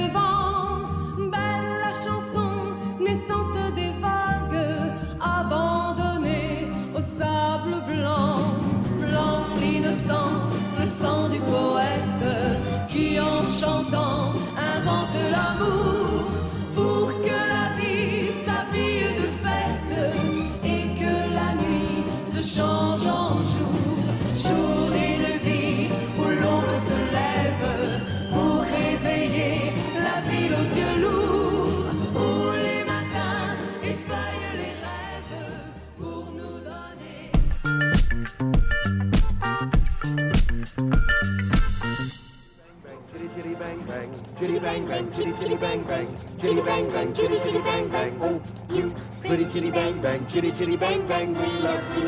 And in chitty chitty bang bang, chitty chitty bang bang, what we'll do near, far. האם אכן צ'יטי צ'יטי בנג בנג גרסת המציאות? המכונית המעופפת של חברת א' אוטומוטיב קיבלה ממנהל התעופה הפדרלי של ארצות הברית אישור תעופה מיוחד שמאפשר לה להטיס את הרכב המעופף. האם העתיד כבר כאן? סליחה, העתיד כבר כאן, מישהו יודע? אה, אולי ידע, ניצן סדן, בעל טור היסטוריית התעופה הקברנית באתר כלכליסט. שלום. שלום שרון, בוקר טוב. בוקר איזה כיף אור. לשמוע את השיר הזה. נכון? סרט מעולה. אני חושב, אני לא זוכר, אה, משמע ודיק ון דייק. כן, כן, כן, לגמרי. קסם ראיתי את זה ממש לאחרונה במקרה, סרט מדהים. אני לא יודע אם ילדים רואים את זה היום, אבל זה פשוט כזה תענוג, זה כן. כזה צבע ותמימות וכיף. ראיתי את זה עם בנותיי, זה היה ארוך אבל מקסים. אז אנחנו אכן אה, חוגגים את אה, צ'יטי צ'יטי בנג בנג. זהו, סוף סוף, זה קורה? לא בדיוק. תראי, הם... הנה, הוא מוציא את האוויר מהגלגלים המעופפים. מה אני אעשה? תראי, חברת א' מאוד מאוד רוצה להציג את עצמה בתור הראשונה שקיבלה את האישור הרגולטורי הזה, זה אישור שמאוד קשה לקבל אותו, למכונית יכולה גם לנסוע על כבישים וגם לטוס. עכשיו, אני מבין אותה, זה אחלה טייטל, זה ימשוך משקיעים, אבל זה רק חצי סיפור וזה גם רק חצי אמת. זאת לא מכונית שהיא גם נוסעת וגם מעופפת? ו- לא? אוקיי, היא גם נוסעת וגם מופפת, וטכנית באמת תתקבל אישור, אבל ההצהרה של אנחנו החברה הראשונה ואנחנו מהפכה, זה מוזר, כי ה-FAA, הרשות האמריקאית, היא מנפיקה היתרים לאווירונים ולא לדברים שעושים על כבישים, וגם אישור מאוד מאוד מאוד מוגבל. אה, ואישורים למכוניות מעופפות הונפקו עוד לפני שה-FAA אפילו נולדה. רגע, רגע, לא רגע, רגע. בכלל יש רשות שיכולה לאשר את שני הדברים האלו יחד? לא, זה משהו שמצריך פה איזושהי חביר, אה, חבירה רגולטורית ססגונית, אבל אה, הנקודה היא שמכוניות מעופפות נולדו עוד לפני הסרט צ'יטי צ'יטי בנג בנג. המכונית המעופפת הראשונה עלתה לאוויר בערך, נגיד ככה, לפני 106 שנים. וכשאתה אומר עלתה לאוויר, אתה מתכוון פיזית עלתה לאוויר? כן, אנחנו מדברים על אה, מכונית שבנה אותה חדשן התעופה גלן קרטיס ב-1917, והיא נראתה משהו מאולתר לגמרי, כאילו שהייתה שם איזו התערבות שיכורים שיצאה משליטה, והדבר הזה היה בעצם מכונית שדומה למכוניות אה, של הנרי פורד בזמנו, עם כנפיים מלמעלה, קראו לזה Autoplane, וזה הצליח לצבור תאוצה, להתרומם וכאילו אה, לקפוץ לאוויר. זה לא, זה לא בדיוק עף, אבל זה גם לא רק נסע. עכשיו, אה, אחרי קרטיס היו עוד הרבה אחרים. היו חדשנים שבאו אחרי מלחמת העולם השנייה, כשחלקי מטוסים היו זולים ונפוצים ביותר. אה, הרבה אנשים רצו מכונית מעופפת והייתה גישה, והגישה הייתה מכונית עם כנפיים. והראשונה שקיבלה היתר מסחרי הייתה הטיילור אירוקר של 1949, שהייתה מכונית פיתית עם כנפיים מתקפלות ומנוע של ססנה 172, והדבר הזה קיבל אישור רגולטורי. אגב, ה-FAA, כן, ה-FAA קמה רק תשע שנים אחר כך. אז ממי הגיע האישור? מאיזושהי רשת הייתה אחרת? הרשות, ש... לא, הרשות שקדמה לה, CAA. העניין הוא שהכלים האלה, זה, זה בעצם, אה, אה, זה בעצם אה, מטוסים אה, לכביש. אה, מדובר בכלים שמצריכים טייס אנושי מוסמך, תשתיות של שדה תעופה ודברים אחרים שאין בחנייה שלי. הרבה חברות מנסות לפתור את זה, וא' היא אחת מהן. והיום אנחנו רואים שיש אה, שחקניות יצירתיות כמו Lilium בגרמניה, ו AeroMobil בסלובקיה, ו SkyDrive היפנית, כולן מאוד מאוד מתקדמות. פשוט במקום מטוס שנוסע על כביש, הן מנסות לפתח רחפנים מאוישים, עם מנועים חשמליים, עם רעש נמוך יותר ועם תפעול שיהיה הרבה יותר פשוט. אבל זה משהו סמנטי שאתה קורא לזה בעצם רחפן שגם נוסע על הכביש, רחפן מאויש, או שזה באמת הבדל בין זה לבין מכונית מעופפת? לא, יש הבדל, פשוט משום שכאשר מדובר במכונית מעופפת, הרעיון הוא למשהו שיכול לבלות את רוב זמנו בכבישים ובפקקים, ולעלות לאוויר רק כשצריך ורק מאיפה שאפשר. אה, זה בניגוד למטוס לכביש, שזו בעצם הייתה הגישה עד אה, אוקיי. לעשורים האחרונים, שזה משהו שמצריך אה, שדה תעופה והסמכות והכשרות ואת כל האתר המסביב. אז כאילו החזון הוא, נגיד, סתם אני מדמיינת, אנחנו נוסעים נגיד מצפון אה, לדרום על, על כביש החוף, ובאזור אה, בית ינאי, כשנהיה הפקוק, אנחנו לוחצים על כפתור, ואז אנחנו מתרוממים ומגיעים ל... מאיפה אנחנו נוחתים? איך זה עובד? אוקיי, קודם כל, לפני הכל, אני הולך לנפץ פה אה, חלום, אה, חלום ילדות שגם לי היה, דרך אגב. אנחנו לא רוצים שתהיה לנו מכונית מעופפת. אנחנו לא רוצים להיות בעלי המכונית הזאת, אנחנו לא רוצים להטיס אותה. אה, מכונית מעופפת פרטית זה משהו שהולך להיות אה, כנראה מין צעצוע לעשירים. החזון זה למשהו שנראה כמו מכונית, מסתובב בכבישים כמו מכונית, וכשמתאפשר לו בעצם מפעיל אה, מערכת הנעה אה, מבוססת מדחסים וממריא. אז לא רק שהעשירים תהיה להם תיירות מרפא טובה, עכשיו הם גם לא יהיה להם פקקים? זהו, די, לא, זה... לא, לא, לא, לא, זה יותר מורכב מזה. תכלס, אה, המכונית של א', הרעיון של א', זה בעצם, הם לקחו אה, תא נוסעים שהוא פיצקי, ויש לו מנועי סוללות חזקות מאוד, ויש לו מרכב בצורת מכונית, אבל שהוא עשוי מרשת. הוא בעצם פשוט רשת בצורת, אה, צורה של אוטו, כשמלמטה יש מדחפים גדולים של כלי טיס, שבעצם מוגנים ברשת הזאת, וככה אין סיכוי שהם יעיפו למישהו אצבע. הבעיה היא שדבר כזה, אם עכשיו הוא עומד בחנייה, נניח שיש לי, האוטו שלי עומד בחנייה ודפק אותי אוטו זבל, באסה, הלכתי למוסך, תיקנתי, סידרתי והחיים נמשכו. אבל אמרת הדבר רשת, הזה- זה נשמע לי עוד הרבה יותר פגיע, בדיוק. לא? בדיוק, הרשת הולכת להתקפל. האם אני יכול בכלל לעלות לאוויר? כל האווירודינמיקה שלי משתנה. עכשיו, מי יכול לקבוע אם אני יכול ללכת, אם אני יכול לעלות לאוויר? אני צריך מהנדס, אני צריך טכנאים, אני צריך פה איזושהי אה, חפיפה רגולטורית נוספת. וזה לא משהו שאפשר להחזיק בתא כפפות. כך לא, שבעצם... אבל השאלה היא, מה- כל מה שאתה אומר זה רק איזשהו עניין של זמן, נגיד עשר שנים, ויהיו באמת אה, מוסכים שיתאימו לעניין הזה, ו- וכל שאר הדברים, או שזה משהו שהוא עקרוני?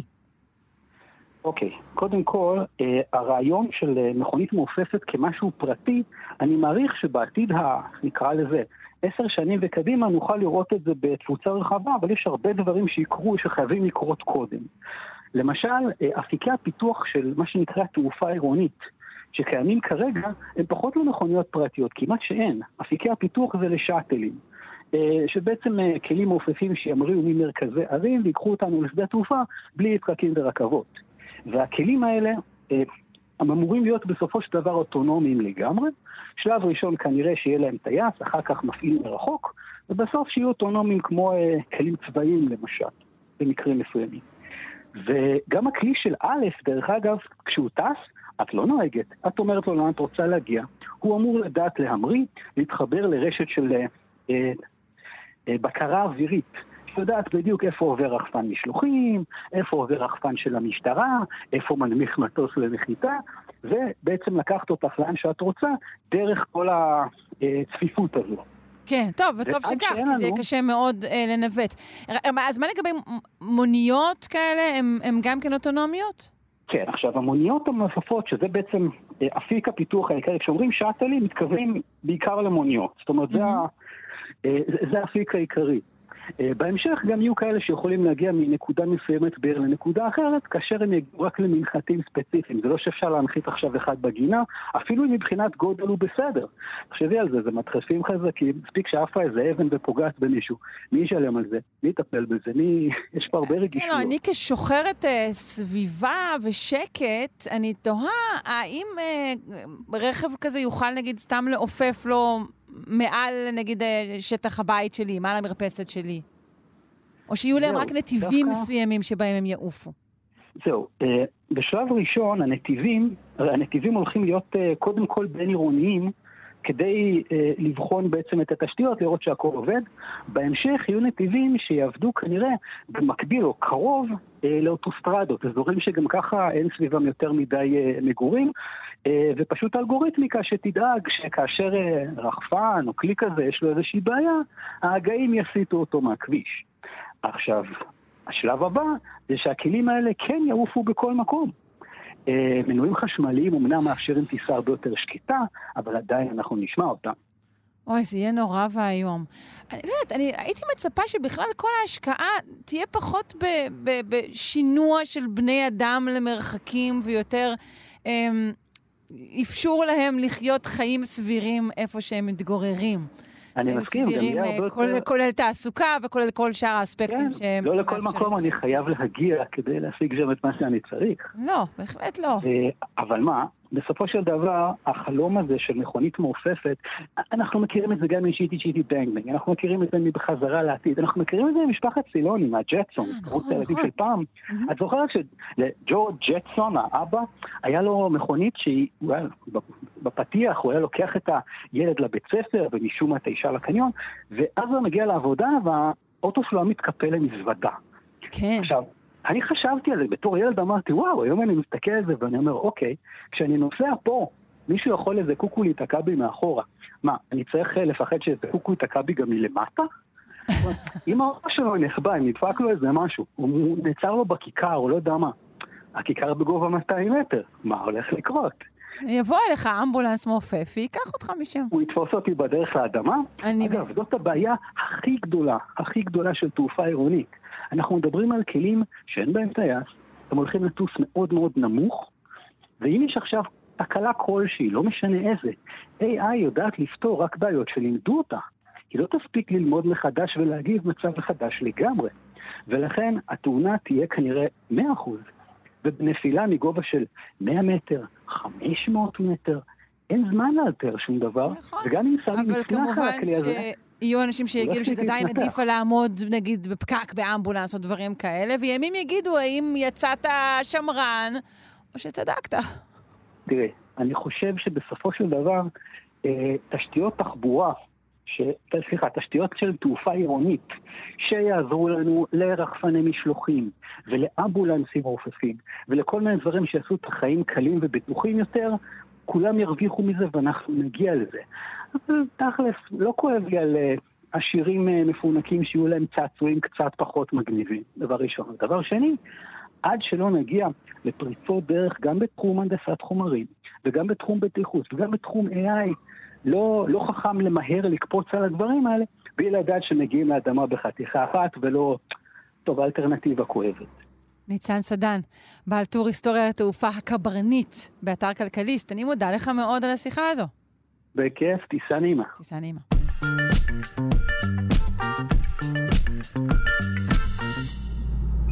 מחקר חדש מצביע על כך שהתנהגות אובדנית עשויה להיות קשורה בתהליך דלקתי במוח. הממצאים האלה יכולים לחזק את הקשר בין תפקוד מערכת החיסון לבין נטיות אובדניות. נפנה לפרופסור גיל זלצמן, מנהל המרכז לבריאות הנפש גאה ויושב ראש המועצה הלאומית למניעת אובדנות. שלום. שלום, שלום, שרון. אחד הדברים שבעצם מקשים עלינו את האבחון של אה, אובדנות, או בכלל דברים שבנפש, הוא לעיתים מהיעדר סמנים ביולוגיים, נכון? נכון מאוד, להבדיל משאר תחומי הרפואה שיש בהם בדיקות דם, הדמיה, MRI, כל מיני שיטות מאוד אובייקטיביות ומדידות, שיכולות גם להביא לאבחון וגם להערכה של חומרת המחלה. בפסיכיאטריה הכל מתבסס על דיווח מילולי של המטופל, של משפחתו, של קרוביו, וזה מאוד מאוד מגביל אותנו. כן, והנה עכשיו אנחנו עם פריצת דרך שעשויה לשנות את העניין הזה. מדובר במטה-אנליזה, נכון?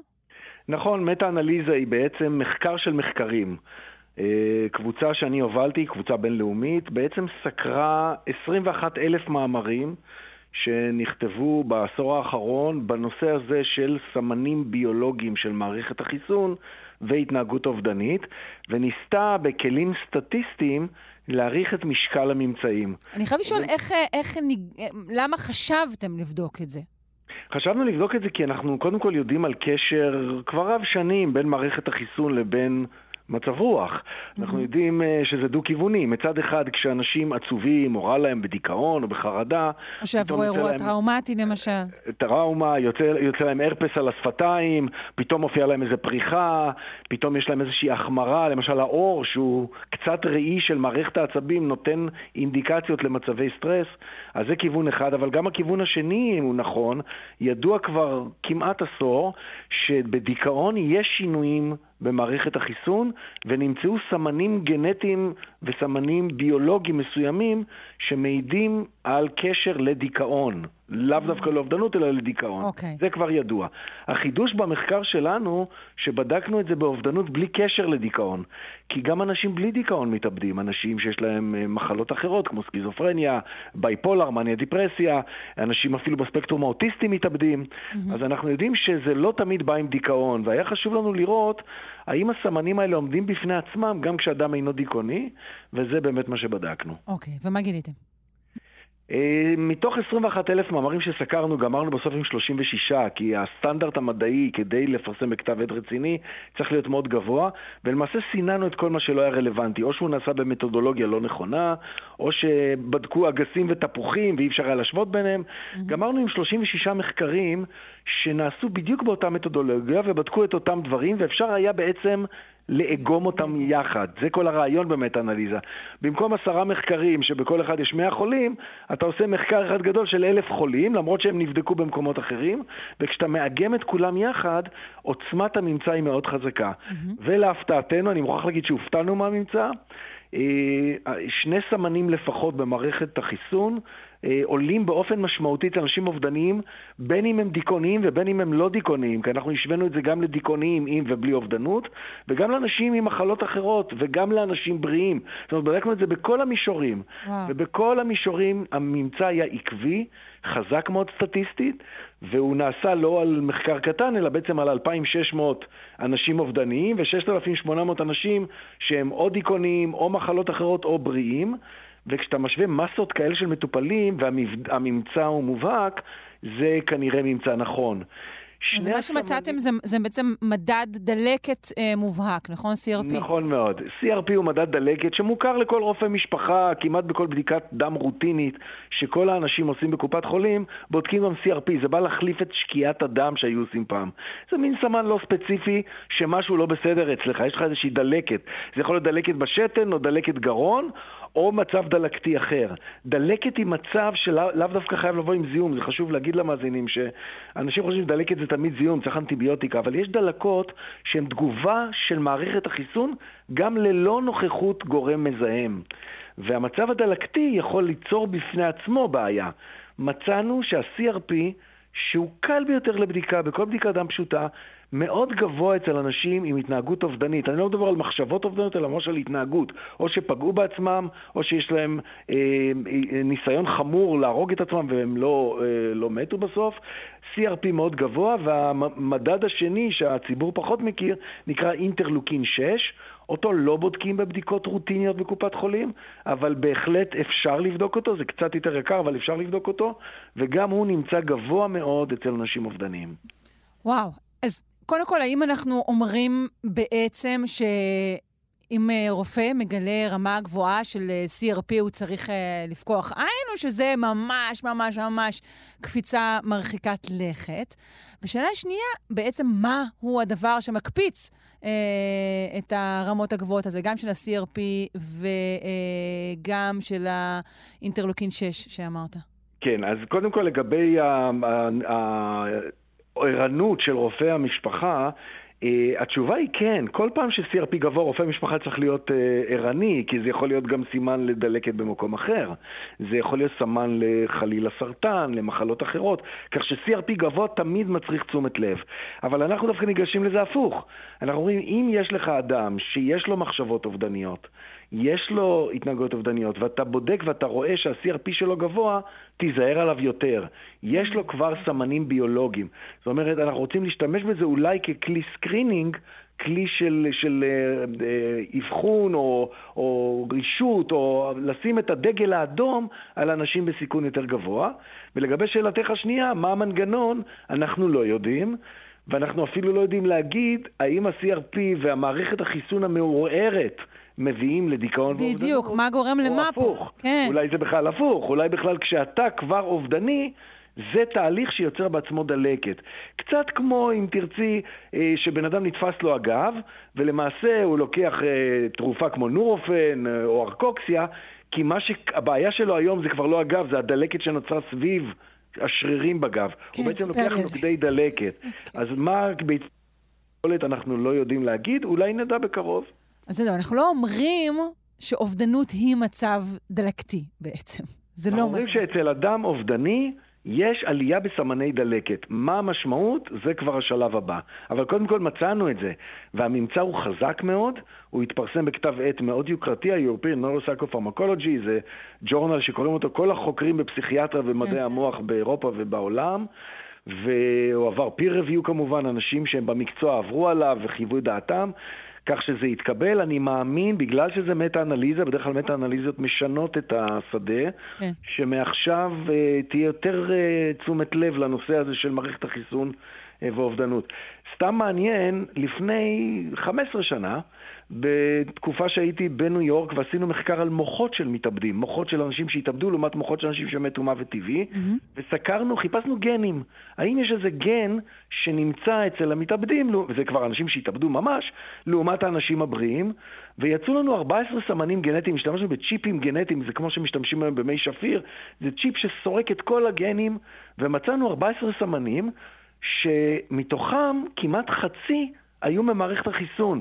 אז חשבנו שזה טעות בממצא, פרסמנו את זה, אבל אמרנו, לא מאמינים שזה קשור. מה הקשר בין דלקת? היום, בדיעבד, אני אומר שאולי עלינו כבר אז על העניין הזה, ואולי יש פה בכלל עניין גנטי.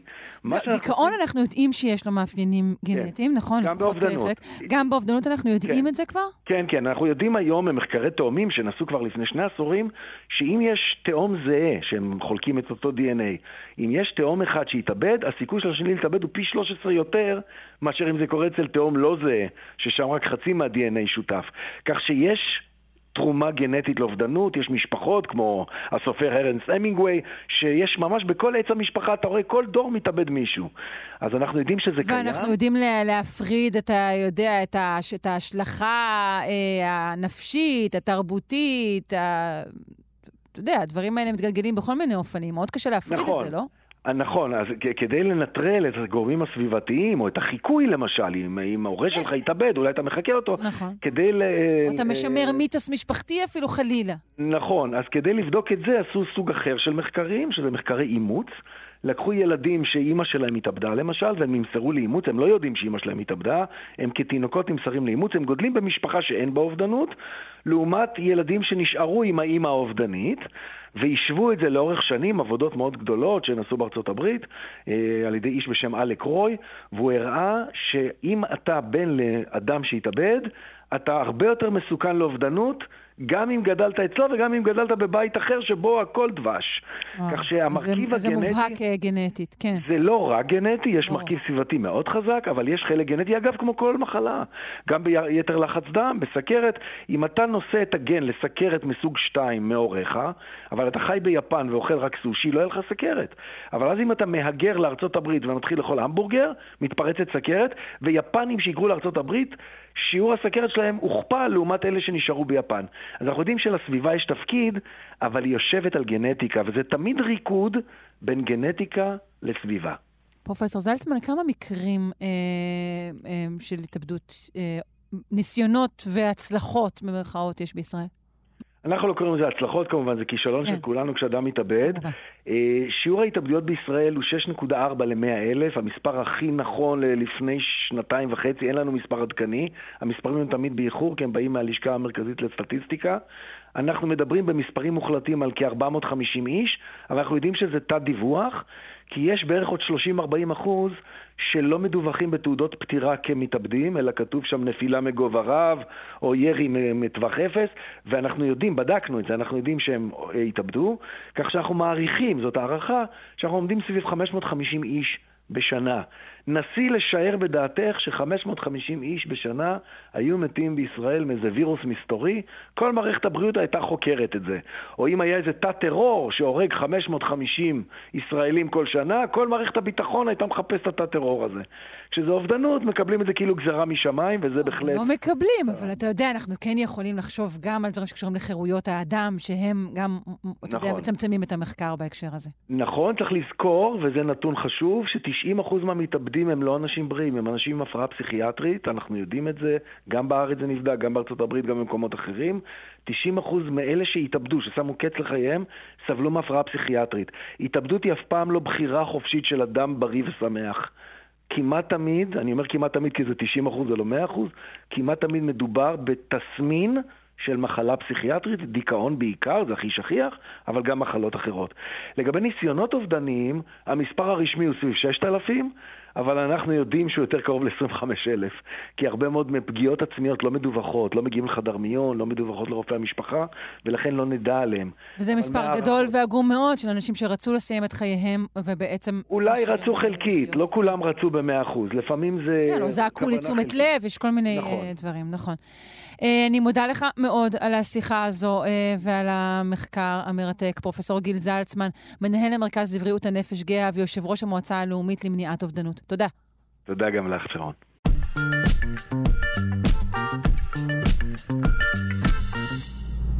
אנחנו עם מחקר חדש שעומד על הקשר בין עונות השנה אה, לבין פוריות. סיכויי ההצלחה, כך עולה מהמחקר של אה, הליכי הפריה חוץ-גופית, עולים כאשר הביציות נאספות בקיץ.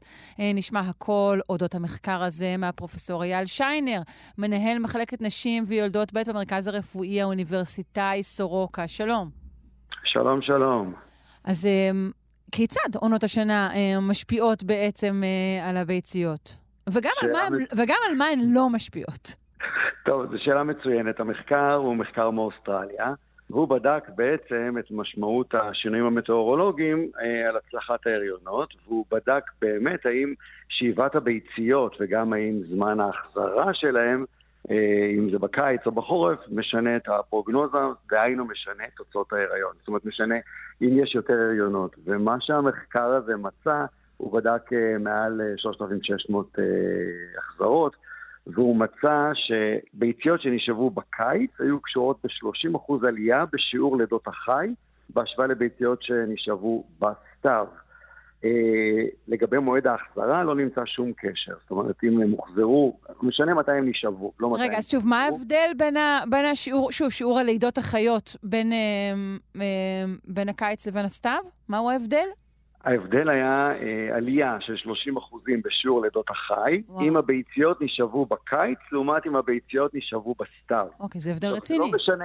כן, אבל לא משנה, הבדל רציני, אבל לא משנה מתי החזירו אותם. זאת אומרת, יכלו לשאוב אותם בקיץ ולהחזיר אותם, אה, אתה יודע... מתי שרוצים, בכל עונה. שנוח לנו. זה אוקיי. הרי עניין של המוקפאות. נכון. מה שעוד הם מצאו, זה הם מצאו שבימים הארוכים יותר, דהיינו הימים בקיץ, שהיה להם אה, תאורה יותר ממושכת, שהשקיעה הייתה יותר, ממוש... יותר מאוחרת, גם אז היה עלייה, אה, אם הביציות נשאבו בימים של אה, תאורה ארוכה יותר, אז היה שיעור גם של 30% יותר גבוה של, של אה, אה, לידות חי, וגם כאן הסיכון היה פי 1.3 גבוה יותר להצליח אם היום היה ארוך לעומת יום קצר. אז כלומר, מה שבעצם... ככל ש, שהיו יותר שעות שמש ואור, הייתה כן. הצלחה אה, אה, גבוהה יותר? כן, אנחנו יודעים, תראי, אה, אה, זה נשמע מאוד הגיוני שעל ה-well-being שלנו יותר טוב להיות בקיץ. זאת אומרת, אה, אה, אה, במיוחד... ת- אה, תלוי את מי אתה שואל. אה, אני מסכימה עם זה, אבל אני יודעת. גם אני מסכים עם זה. זאת אומרת, יותר כיף בקיץ, יותר אור, יותר, אה, פחות מדוכדך, פחות חושך, פחות רטוב, פחות קר. תראי, האדם הוא תבנית נוף מולדתו. אנחנו יודעים את זה ששינויים מטאורולוגיים משנים גם מבחינת ילודה. למשל, אנחנו רואים שבחדרי לידה בקיץ יש הרבה יותר לידות. אנחנו רואים שלידות מוקדמות יש יותר בקיץ. עשינו מחקר בסורוקה, ובדקנו סיבוכי הריון של מיעוט מי שפיר, שראינו שהקיץ זה גורם סיכון דווקא ליותר מיעוט מי שפיר. אז אה, כל מה שאתה מתאר זה פשוט יותר פעילות בקיץ, גם יותר לידות, גם יותר סיכונים. זה מה שאתה כרגע נכון, מתאר לי. נכון, אנחנו, זה מה שאנחנו מצאנו. זאת אומרת, אנחנו יודעים שהאדם מושפע מהסביבה. אנחנו יודעים את זה גם בחיות, עם הלולים והתרנגולות שמעירים להם הרבה שעות כדי שייתנו יותר ביצים, להבדיל. נכון. אמ, עכשיו, אין להם, אז צריך להבין שהמחקר הזה הוא מחקר שמראה קשר, הוא לא מראה גורם. זאת אומרת, אנחנו במחקרים מסוג, מסוג זה, מחקרים רטרוספקטיביים, יכולים לראות על קשרים סטטיסטיים, אבל לא על causation. זאת אומרת, אי אפשר להגיד שהקיץ הוא גורם הצלחה או שהחורף הוא גורם סיכון. אפשר להגיד שבקיץ יש יותר הצלחות. אז אה, מה אבל, זה אומר? אבל אנחנו כן צריכים לחשוב, אתה יודע, על מה זה אומר. אנחנו לא יכולים להגיד, טוב, זה פשוט מה שזה וזהו, לא? נכון, אנחנו כל הזמן מנסים להבין מה זה אומר. אנחנו, המחברים ניסו להבין מה הסיבה לזה, ולמשל חשבו שזה קשור למלטונין, אבל uh, הם אומרים שבעצם זה לא קשור למלטונין, כי מלטונין, שהוא קשור להבשלת ביציות יותר טובה, הוא דווקא מופרש בלילה, אז זה לא כל כך הגיוני שדווקא הלילות הקצרים. זאת אומרת, הם לא ידעו בדיוק מה המנגנון, מה שהם כן ידעו להגיד זה שהמלצה, שאם באמת אה, אנחנו עושים אה, שאיבה לצורך שימור פריון למשל, שהיום זה נהיה משהו מאוד מאוד פופולרי. את יודעת, הרבה נשים מגיעות לגיל, אנחנו היום יודעים שהקפאת ביציות אה, היא מין תעודת ביטוח. כן. אתה מגיע לגיל מסוים, אתה יודע, מעל גיל, אה, מעל גיל 40 הפריון יורד בצורה קריירה קודם, ילד אחר כך. בדיוק, אנחנו. הגענו לעידן של דחיית, אנחנו הגענו לעידן אחר. בעידן שלנו אה, יש אה, קריירה, יש תואר ראשון ויש תואר שני ויש קריירה במשרד ו, ויש דחייה של גיל הפריון. ואם אין זוגיות, אז אה, לא מעט נשים בוחרות באופציה של אה, תעודת ביטוח, להקפיא ביציות אה, על- מנת, שימור פרי- פריון. אז מה שהמחברים אומרים, שאם באמת אה, מדובר בשימור פריון בלבד, אז יכול להיות שיש יתרון לעשות אותו בקיץ. אה, כי בקיץ באמת הסיכויי הצלחה בעתיד יהיו יותר גבוהים. כן, כלומר, אין, המחקר הזה מן הסתם הוא נעשה על, על הפריה חוץ גופית. עד כמה בוודאי, אנחנו יכולים... כן, זה מחקר שנעשה, בוודאי, רק ההקפאות של... אה, בוודאי, בוודאי. אבל עד כמה, אני שואלת, עד כמה אנחנו יכולים או צריכים אה, להשליך ממנו על, על הריונות אה, אה, טבעיים, נקרא להם? אני לא יודעת מה המינוח המקובל שלא ירגיז אף אחד. לא, אין, לא, אין כאן אה, השלכה להריונות רגילים, על הריונות טבעיים. הממצאים שלהם הם לגבי מועד שאיבת הביציות ומועד החזרת העוברים, ומה שהם הראו של להחזיר עוברים אפשר בכל עונות השנה, אין שום הבדל, הם הראו יתרון לשאיבת ביציות בקיץ. להכל, אבל גם, צריך להבין, יתרון של 30 אחוז. זאת אומרת, הסיכון, הסיכוי ללידת חי היה פי 1.3 גבוה יותר מהריונות אחרים. מדברים על בגדול לידות חי בהחזרות של אה, בערך שיעור של 20 אחוזים, רק כדי לסבר את האוזן. Mm, אוקיי, ולא נמצאה, אבל שום השלכה, נגיד, על התפתחות העובר, נכון? לא, לא, לא. נמצא יותר הריונות ויותר לידות חי בצורה מובהקת, יותר לידות חי. בצורה מובהקת סטטיסטית, 30% יותר לידות חי. לא היה יותר סיבוכים, או... זה, זה, לא, זה לא היה בסקופ, ב- במטרות של המחקר הזה. אוקיי. מניסיונך, אה, מחקר כזה, מה, הוא יביא לכך שביציות פשוט יאספו יותר בקיץ, וזהו? לא, מחקרים רטרוספקטיביים הם אה, מחקרים מאוד מעניינים ומאוד נחמדים, והם מהווים בסיס לעבודות פרוספקטיביות, והשינויי מדיניות שאנחנו עושים זה לא על סמך מחקרים רטרוספקטיביים, זה רק על סמך נתונים מאוד סולידיים, מאוד מבוססים. אז זה מחקר מאוד אה, נחמד ומאוד, אה, את יודעת, מבחינתנו... צבעוני. הוא מראה משהו צבעוני, כן, הוא מאוד, הוא מאוד מעניין, הוא מאוד אה, מושך את העין, אבל אה, מפה ועד לנקיטת התוויות, הדרך רחוקה מאוד. צריך עוד מחקרים רטרוספקטיביים, ואז צריך לראות נתונים שנאספים בצורה פרוספקטיבית, שהם כן יכולים להעיד על קאוזציה, על גרימת, על גורם, ולא על קשר בלבד.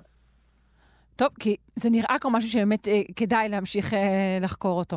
זה ההמלצה של החוקרים, לגמרי. ומה שהם אומרים זה לא לשנות מדיניות, אלא עוד, עוד מחקרים נדרשים. פרופסור יעל שיינר, מנהל מחלקת נשים ויולדות ב', המרכז הרפואי האוניברסיטאי סורוקה, אני מודה לך מאוד.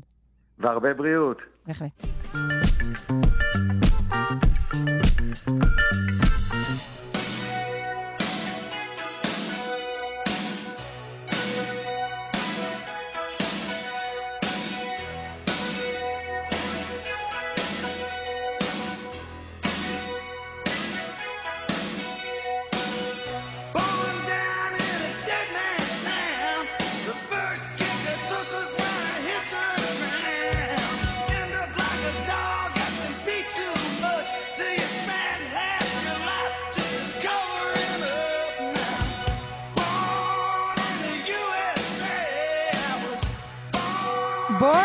USA, אה, נולד באמריקה, זו בעצם הטענה המרכזית שנמצאת בליבו של אה, מאמר חדש, שמתאר את האופן שבו אומץ הסגנון ה singer songwriterי האמריקני בישראל, ובעצם בקצרה הוא אומר ששלום ושלמה הם בעצם סוג של דילן וספרינגסטין.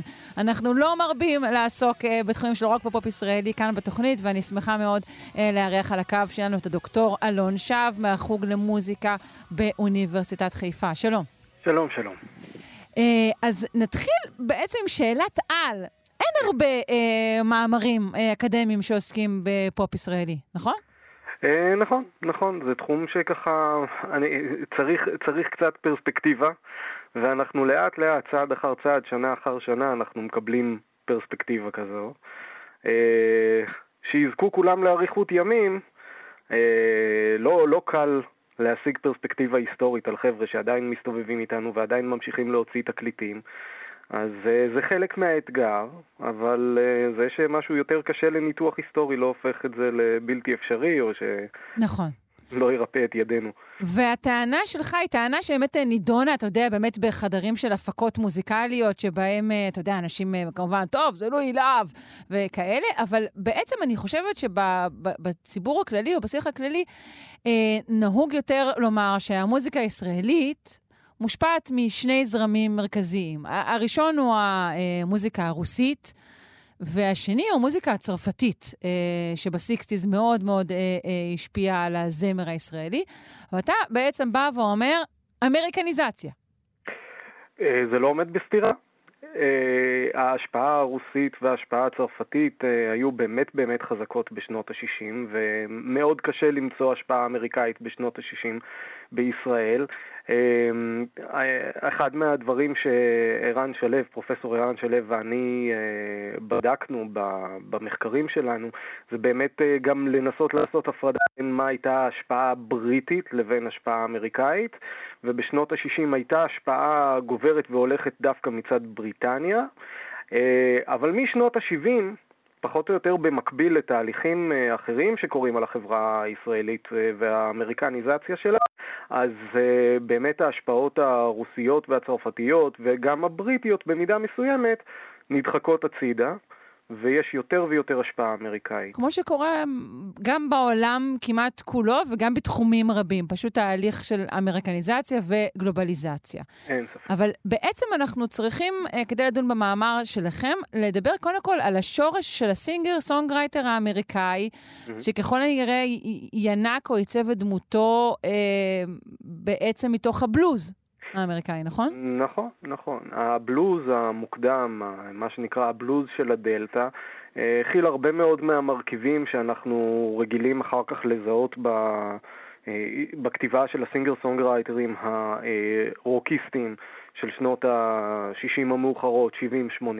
אז אה, כמה עשורים קודם כבר אפשר למצוא את הנושאים, את הסוג. נגיד ההלך רוח. אפשר למצוא את זה באמת בבלוז, אפשר למצוא את זה בפולק. ה singer songwriter הוא, הוא, הוא קיים. כלומר, כן. אה, אנחנו אה, יכולים, יכולים למצוא את האבות הקדומים שלו בכל מיני סגנונות. זהו, אה, נגיד הטרובדור, אה, אולי הוא מקבילה של אותו, נגיד בלוזיסט כזה עם גיטרה על הכתף ששר את שיריו, לא? אה, כן, אה, נדמה לי שכבר אה, בעבר יצא לכם גם לעסוק באיזה סטנדאפיסט בימי הביניים. אפשר, אפשר נכון. למצוא כל מיני, אפשר למצוא כל מיני אה, אה, באמת אה, תקדימים בהיסטוריה היותר, אה, היותר רחוקה. זה תמיד, זה תמיד מאתגר, כי רב השונה על הדומה, אבל, אה, אבל אני חושב שיש לנו את הכיף הזה של להסתכל לפעמים באנכרוניזם בכוונה ולזהות סינגר סונגרייטרים בימי הביניים. הטרובדורים היו מקרה קצת שונה. הטרובדורים, המונח טרובדור בימי הביניים מתייחס דווקא לאנשים שלא תמיד ביצעו את השירים שלהם, אלא כתבו אותם, והם הגיעו בדרך כלל ממעמד אה, מאוד גבוה. אז יש הרבה הבדלים. כן. אבל, אבל אנחנו אימצנו באהבה את המונח טרובדור כדי לתאר כל מיני שלום חנוכין כאלה. אה, אי כן, אפשר, אי אדם אפשר לבד עם. גיטרה, אתה יודע, גם על אה, חווה אלברשטיין אפילו אמרו, למרות שזה הרבה פעמים לא היו שירים אה, שלה, אלא שירים שהיא נכון. ביצעה. Uh, בסדר, אז בואו נחזור באמת uh, למהלך הזה של הפולק והרוק האמריקאי, שאמרנו שבעצם מתחיל מה, מהדלתא בלוז, ואז בונה לאט-לאט את הגיבור הזה. איך זה מגיע uh, כאן, לישראל? אז אחד מהערוצים המרכזיים היו דילן, שמה שדילן עושה באמצע שנות ה-60, כמו כל דבר שקורה בחוץ בשנות ה-60, אחרי כמה שנים גם מגיע הנה. אז אה, אה, באמת, מה היה הת- התקליט הראשון אה, שאפשר אה, להגיד זה באמת singer songwriter אה, מקורי? יש דוגמה אחת, אני חושב, שהיא מוכרת פחות, וזה התקליט של אה, אה, דני בן ישראל. תקליט אה, מאוד וואי, זה מאוד תקליט מאוד מדהים. תקליט באמת באמת מדהים וממש לא ידוע מספיק. הוא לדעתי אחת מהדוגמאות הבאמת מוקדמות, אבל הנה, זה תקליט שאנחנו, שהוא באמת עבר מתחת לרדאר של הרבה מאוד uh, מאזינים. Uh, התקליטים, uh, תקליט כמו של uh, שמולי קראוס, ובהמשך באמת מי שככה מכניס את זה למיינסטרים זה שלום חנוך, זה אה, שלמה ארצי, ובאמת בתחילת הדרך ההשפעה הדילנית אה, עליהם היא השפעה מאוד מאוד גדולה. אה, כן, הם לא, זה אנשים שחשבתי שדווקא בהתחלה הושפעו יותר ממה שנקרא להקות הקצב, דווקא מדברים שהם יותר רחבים, וההשפעה של ה singer songwriter הגיעה קצת יותר מאוחר. זה, זה תמיד זה מתערבב עם, עם, עם דברים. כלומר, אנחנו לא יכולים אה, לצפות מזמרים כמו אה, שלום חנוך ושלמה ארצי, שבכל זאת גדלים בתוך איזושהי אווירה מסוימת, ונכנסים לתוך התעשייה כבר בתוך איזשהו צינור של אה, להקות צבאיות, נכון. הם לא יכולים לעצב אה, מאפס. את, ה, את המסלול שלהם. אבל ברגע שהם ככה מתחילים אה, להיות יותר עצמאיים ולקבל יותר החלטות בקשר לדרכם האומנותית, אז באמת מתחילים לקרות אה, דברים נורא נורא מעניינים, ואפשר לראות את ההשפעות שפועלות עליהם. וזה מעניין, אה, שלמה ארצי מקליט כמה וכמה תקליטים עד התקליט הראשון שכנראה הוא מרגיש שלם איתו, גבר הולך לאיבוד, כי ב- לימים באוסף המשולש, זה התקליט הראשון שאליו הוא מתייחס. וזה תקליט... לא חצות ולא דרכים, אוקיי. אה, לא, אה, חצות ודרכים כן, אבל, אה, אבל אה, גבר לאיב- הולך לאיבוד זה הראשון. כן, הראשון. ו- ו- והאיש הקליט להיטים והיה אליל אה, נוער אה, כעשור לפני. אז... אה, עכשיו בוא, אני, בוא נדבר על הדמות באמת של ברוס ספרינגסטין, שלאט לאט יחד עם ה- הסינגר סונגרייטיות שלו, גם באה יחד עם היותו גיבור של מעמד פועלים. כן. מישהו מהנוגעים אה, למחקר הישראלי מייצג משהו כזה בעיניך? אז אה, עוד פעם, נורא קשה, נורא קשה להסביר מה זה מעמד פועלים בארצות הברית או להשוות את זה למה זה מעמד פועלים ב- בישראל. כי אה, שלום חנוך מגיע מקיבוץ. אה, והתמונה תמיד הייתה מורכבת, מכיוון שאפילו בתוך הסיפור של קיבוץ משמרות, שלום חנוך, אחד, השיר שפותח את תקליט הסולו הראשון שלו, שביתה, מדבר על שביתה שהייתה בקיבוץ, במפעל שהיה שייך לקיבוץ משמרות. כן, שיר מעולה, ובאמת גם בלוזי וארוך מאוד, משהו מאוד אה, חריג. נכון, אבל, אבל לאיזה צד שייך אה, שלום חנוך? כי זה, זאת הייתה שביתה, השביתה שעליה מבוסס השיר הזה, אה, זו שביתה שבה ממש היה פילוג בין אה, פועלי המפעל שהם חברי קיבוץ, ופועלי מפעל שהם לא חברי קיבוץ, ושלום היה הבן של מנהל המפעל, והעניין הוא נורא מורכב, אבל אה, כן אפשר לראות שמודעות חברתית ומודעות אה, למ- למשברים כלכליים וזה, זה דבר שמתחיל להיות יותר ויותר מורגש בכתיבה של שלום ושל שלמה בשנות ה-80. אה, אז הם באיזשהו מקום הם מעתיקים את המצוקות של, אה, של ארצות הברית, של החברה בארצות הברית באותו זמן, אה, מעתיקים אותם לארץ ומוסיפים, כן, טוויסט, אי אפשר להתעלם מהעובדה שהיה כאן משבר כלכלי. אז הם פשוט... אוקיי, אתה אומר אה, שנגיד משיח לצורך העניין, זה הגרסה המקומית, הספרינגסטינית, לאיזה גלגול של- של- של וודי גת'רי נגיד. כן, כן. אוקיי. אני חושב שבהחלט אפשר, אפשר למצוא את השורשים של המודעות הזו החברתית, של המעורבות החברתית של מחכים למשיח, אפשר למצוא אותה אצל ספרינגסטין, והיא מגיעה בעצם מארצות הברית. זה לא, אוקיי. זה לא מגיע מעיתונים של מפא"י. אה, אה, התחלתי את דבריי בלהזכיר את אה, לואי להב, שבאמת כן. אה, נחשב לבן אדם שהביא את הסאונד הספרינגסטיני לארץ, את הסאונד אה, סנר הזה ששמענו אה, בתחילת האייטם. אה, אתה רוצה להרחיב טיפה עליו? לואי להב אה, עשה את אה, עבודת ההעברה של תרבות ההפק, הפקת התקליטים האמריקאית למעשה לפני, כבר בש, בשנות ה-70. כשהוא חוזר לארץ אחרי שהוא משתתף בהפקה של Born to Run, אז הוא מעורב בכל מיני פרויקטים בארץ, ועוד לפני, לפני Born in the USA כבר יוצר סאונד חדש. אה, את זה אפשר כבר לראות, כמובן, התקליט האיקוני ביותר זה התקליט של תמוז ב-76. זה, בגדול, זאת הייתה גישה חדשה לאיך אה, יוצרים אה, תקליטי רוק, אה, שהייתה הרבה יותר מורכבת, היא לקחה את עצמה מאוד מאוד מאוד ברצינות. הקפדה על פרטים ברמה שבאמת היה, הייתה כנראה לא פשוטה עבור כל מי שעבד איתו באותה תקופה באולפן. אמ, אבל בגדול, כשרואים כשרואים באמת את התקליטים הראשונים, שהם מכנים אותם אה, תקליטי הרוק הראשונים בישראל, אה, אה, שבלול, פוזי וכאלה, שם רואים איזושהי גישה שהיא מאוד מאוד לואו-פיי, מאוד מאוד מושפעת מבריטניה. ופתאום לואי להב לוקח את סוף עונת התפוזים ובאמת יוצר תקליט עם סאונד אמריקאי חדשני. הדבר הזה הייתה לו השפעה אדירה. אה, כשמערבבים את הגישה החדשנית הזו עם גישה חדשנית לכתיבה של שירים, שזה בעצם מה ששלום ושלמה מבשלים בסוף שנות ה-70, אז אה, זה באמת משנה לבלי הכר את, ה... את כל הסגנון המוזיקלי המקומי. נהדר. אה, ומי שרוצה לקרוא את המאמר המרתק כולו, מוזמן לקריאות ישראליות. זה כתב עת רב-תחומי במדעי החברה והרוח של האוניברסיטה הפתוחה.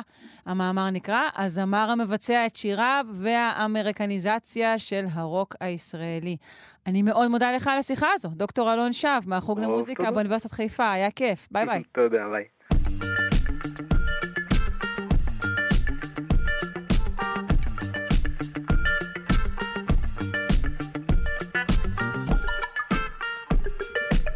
עד כאן שעתיים שלנו, שלושה שיודעים, כן, גם ביום זה. ערכה אותנו אלכס לויקר, הפיקו עמרי קפלן ואיתי אשת. על הביצוע הטכני היה דימה קרנצוב. אני שרון קנטור, ממליצה לכם להישאר ולהאזין לגם כן תרבות. כאן, בכאן תרבות. המשך יום טוב.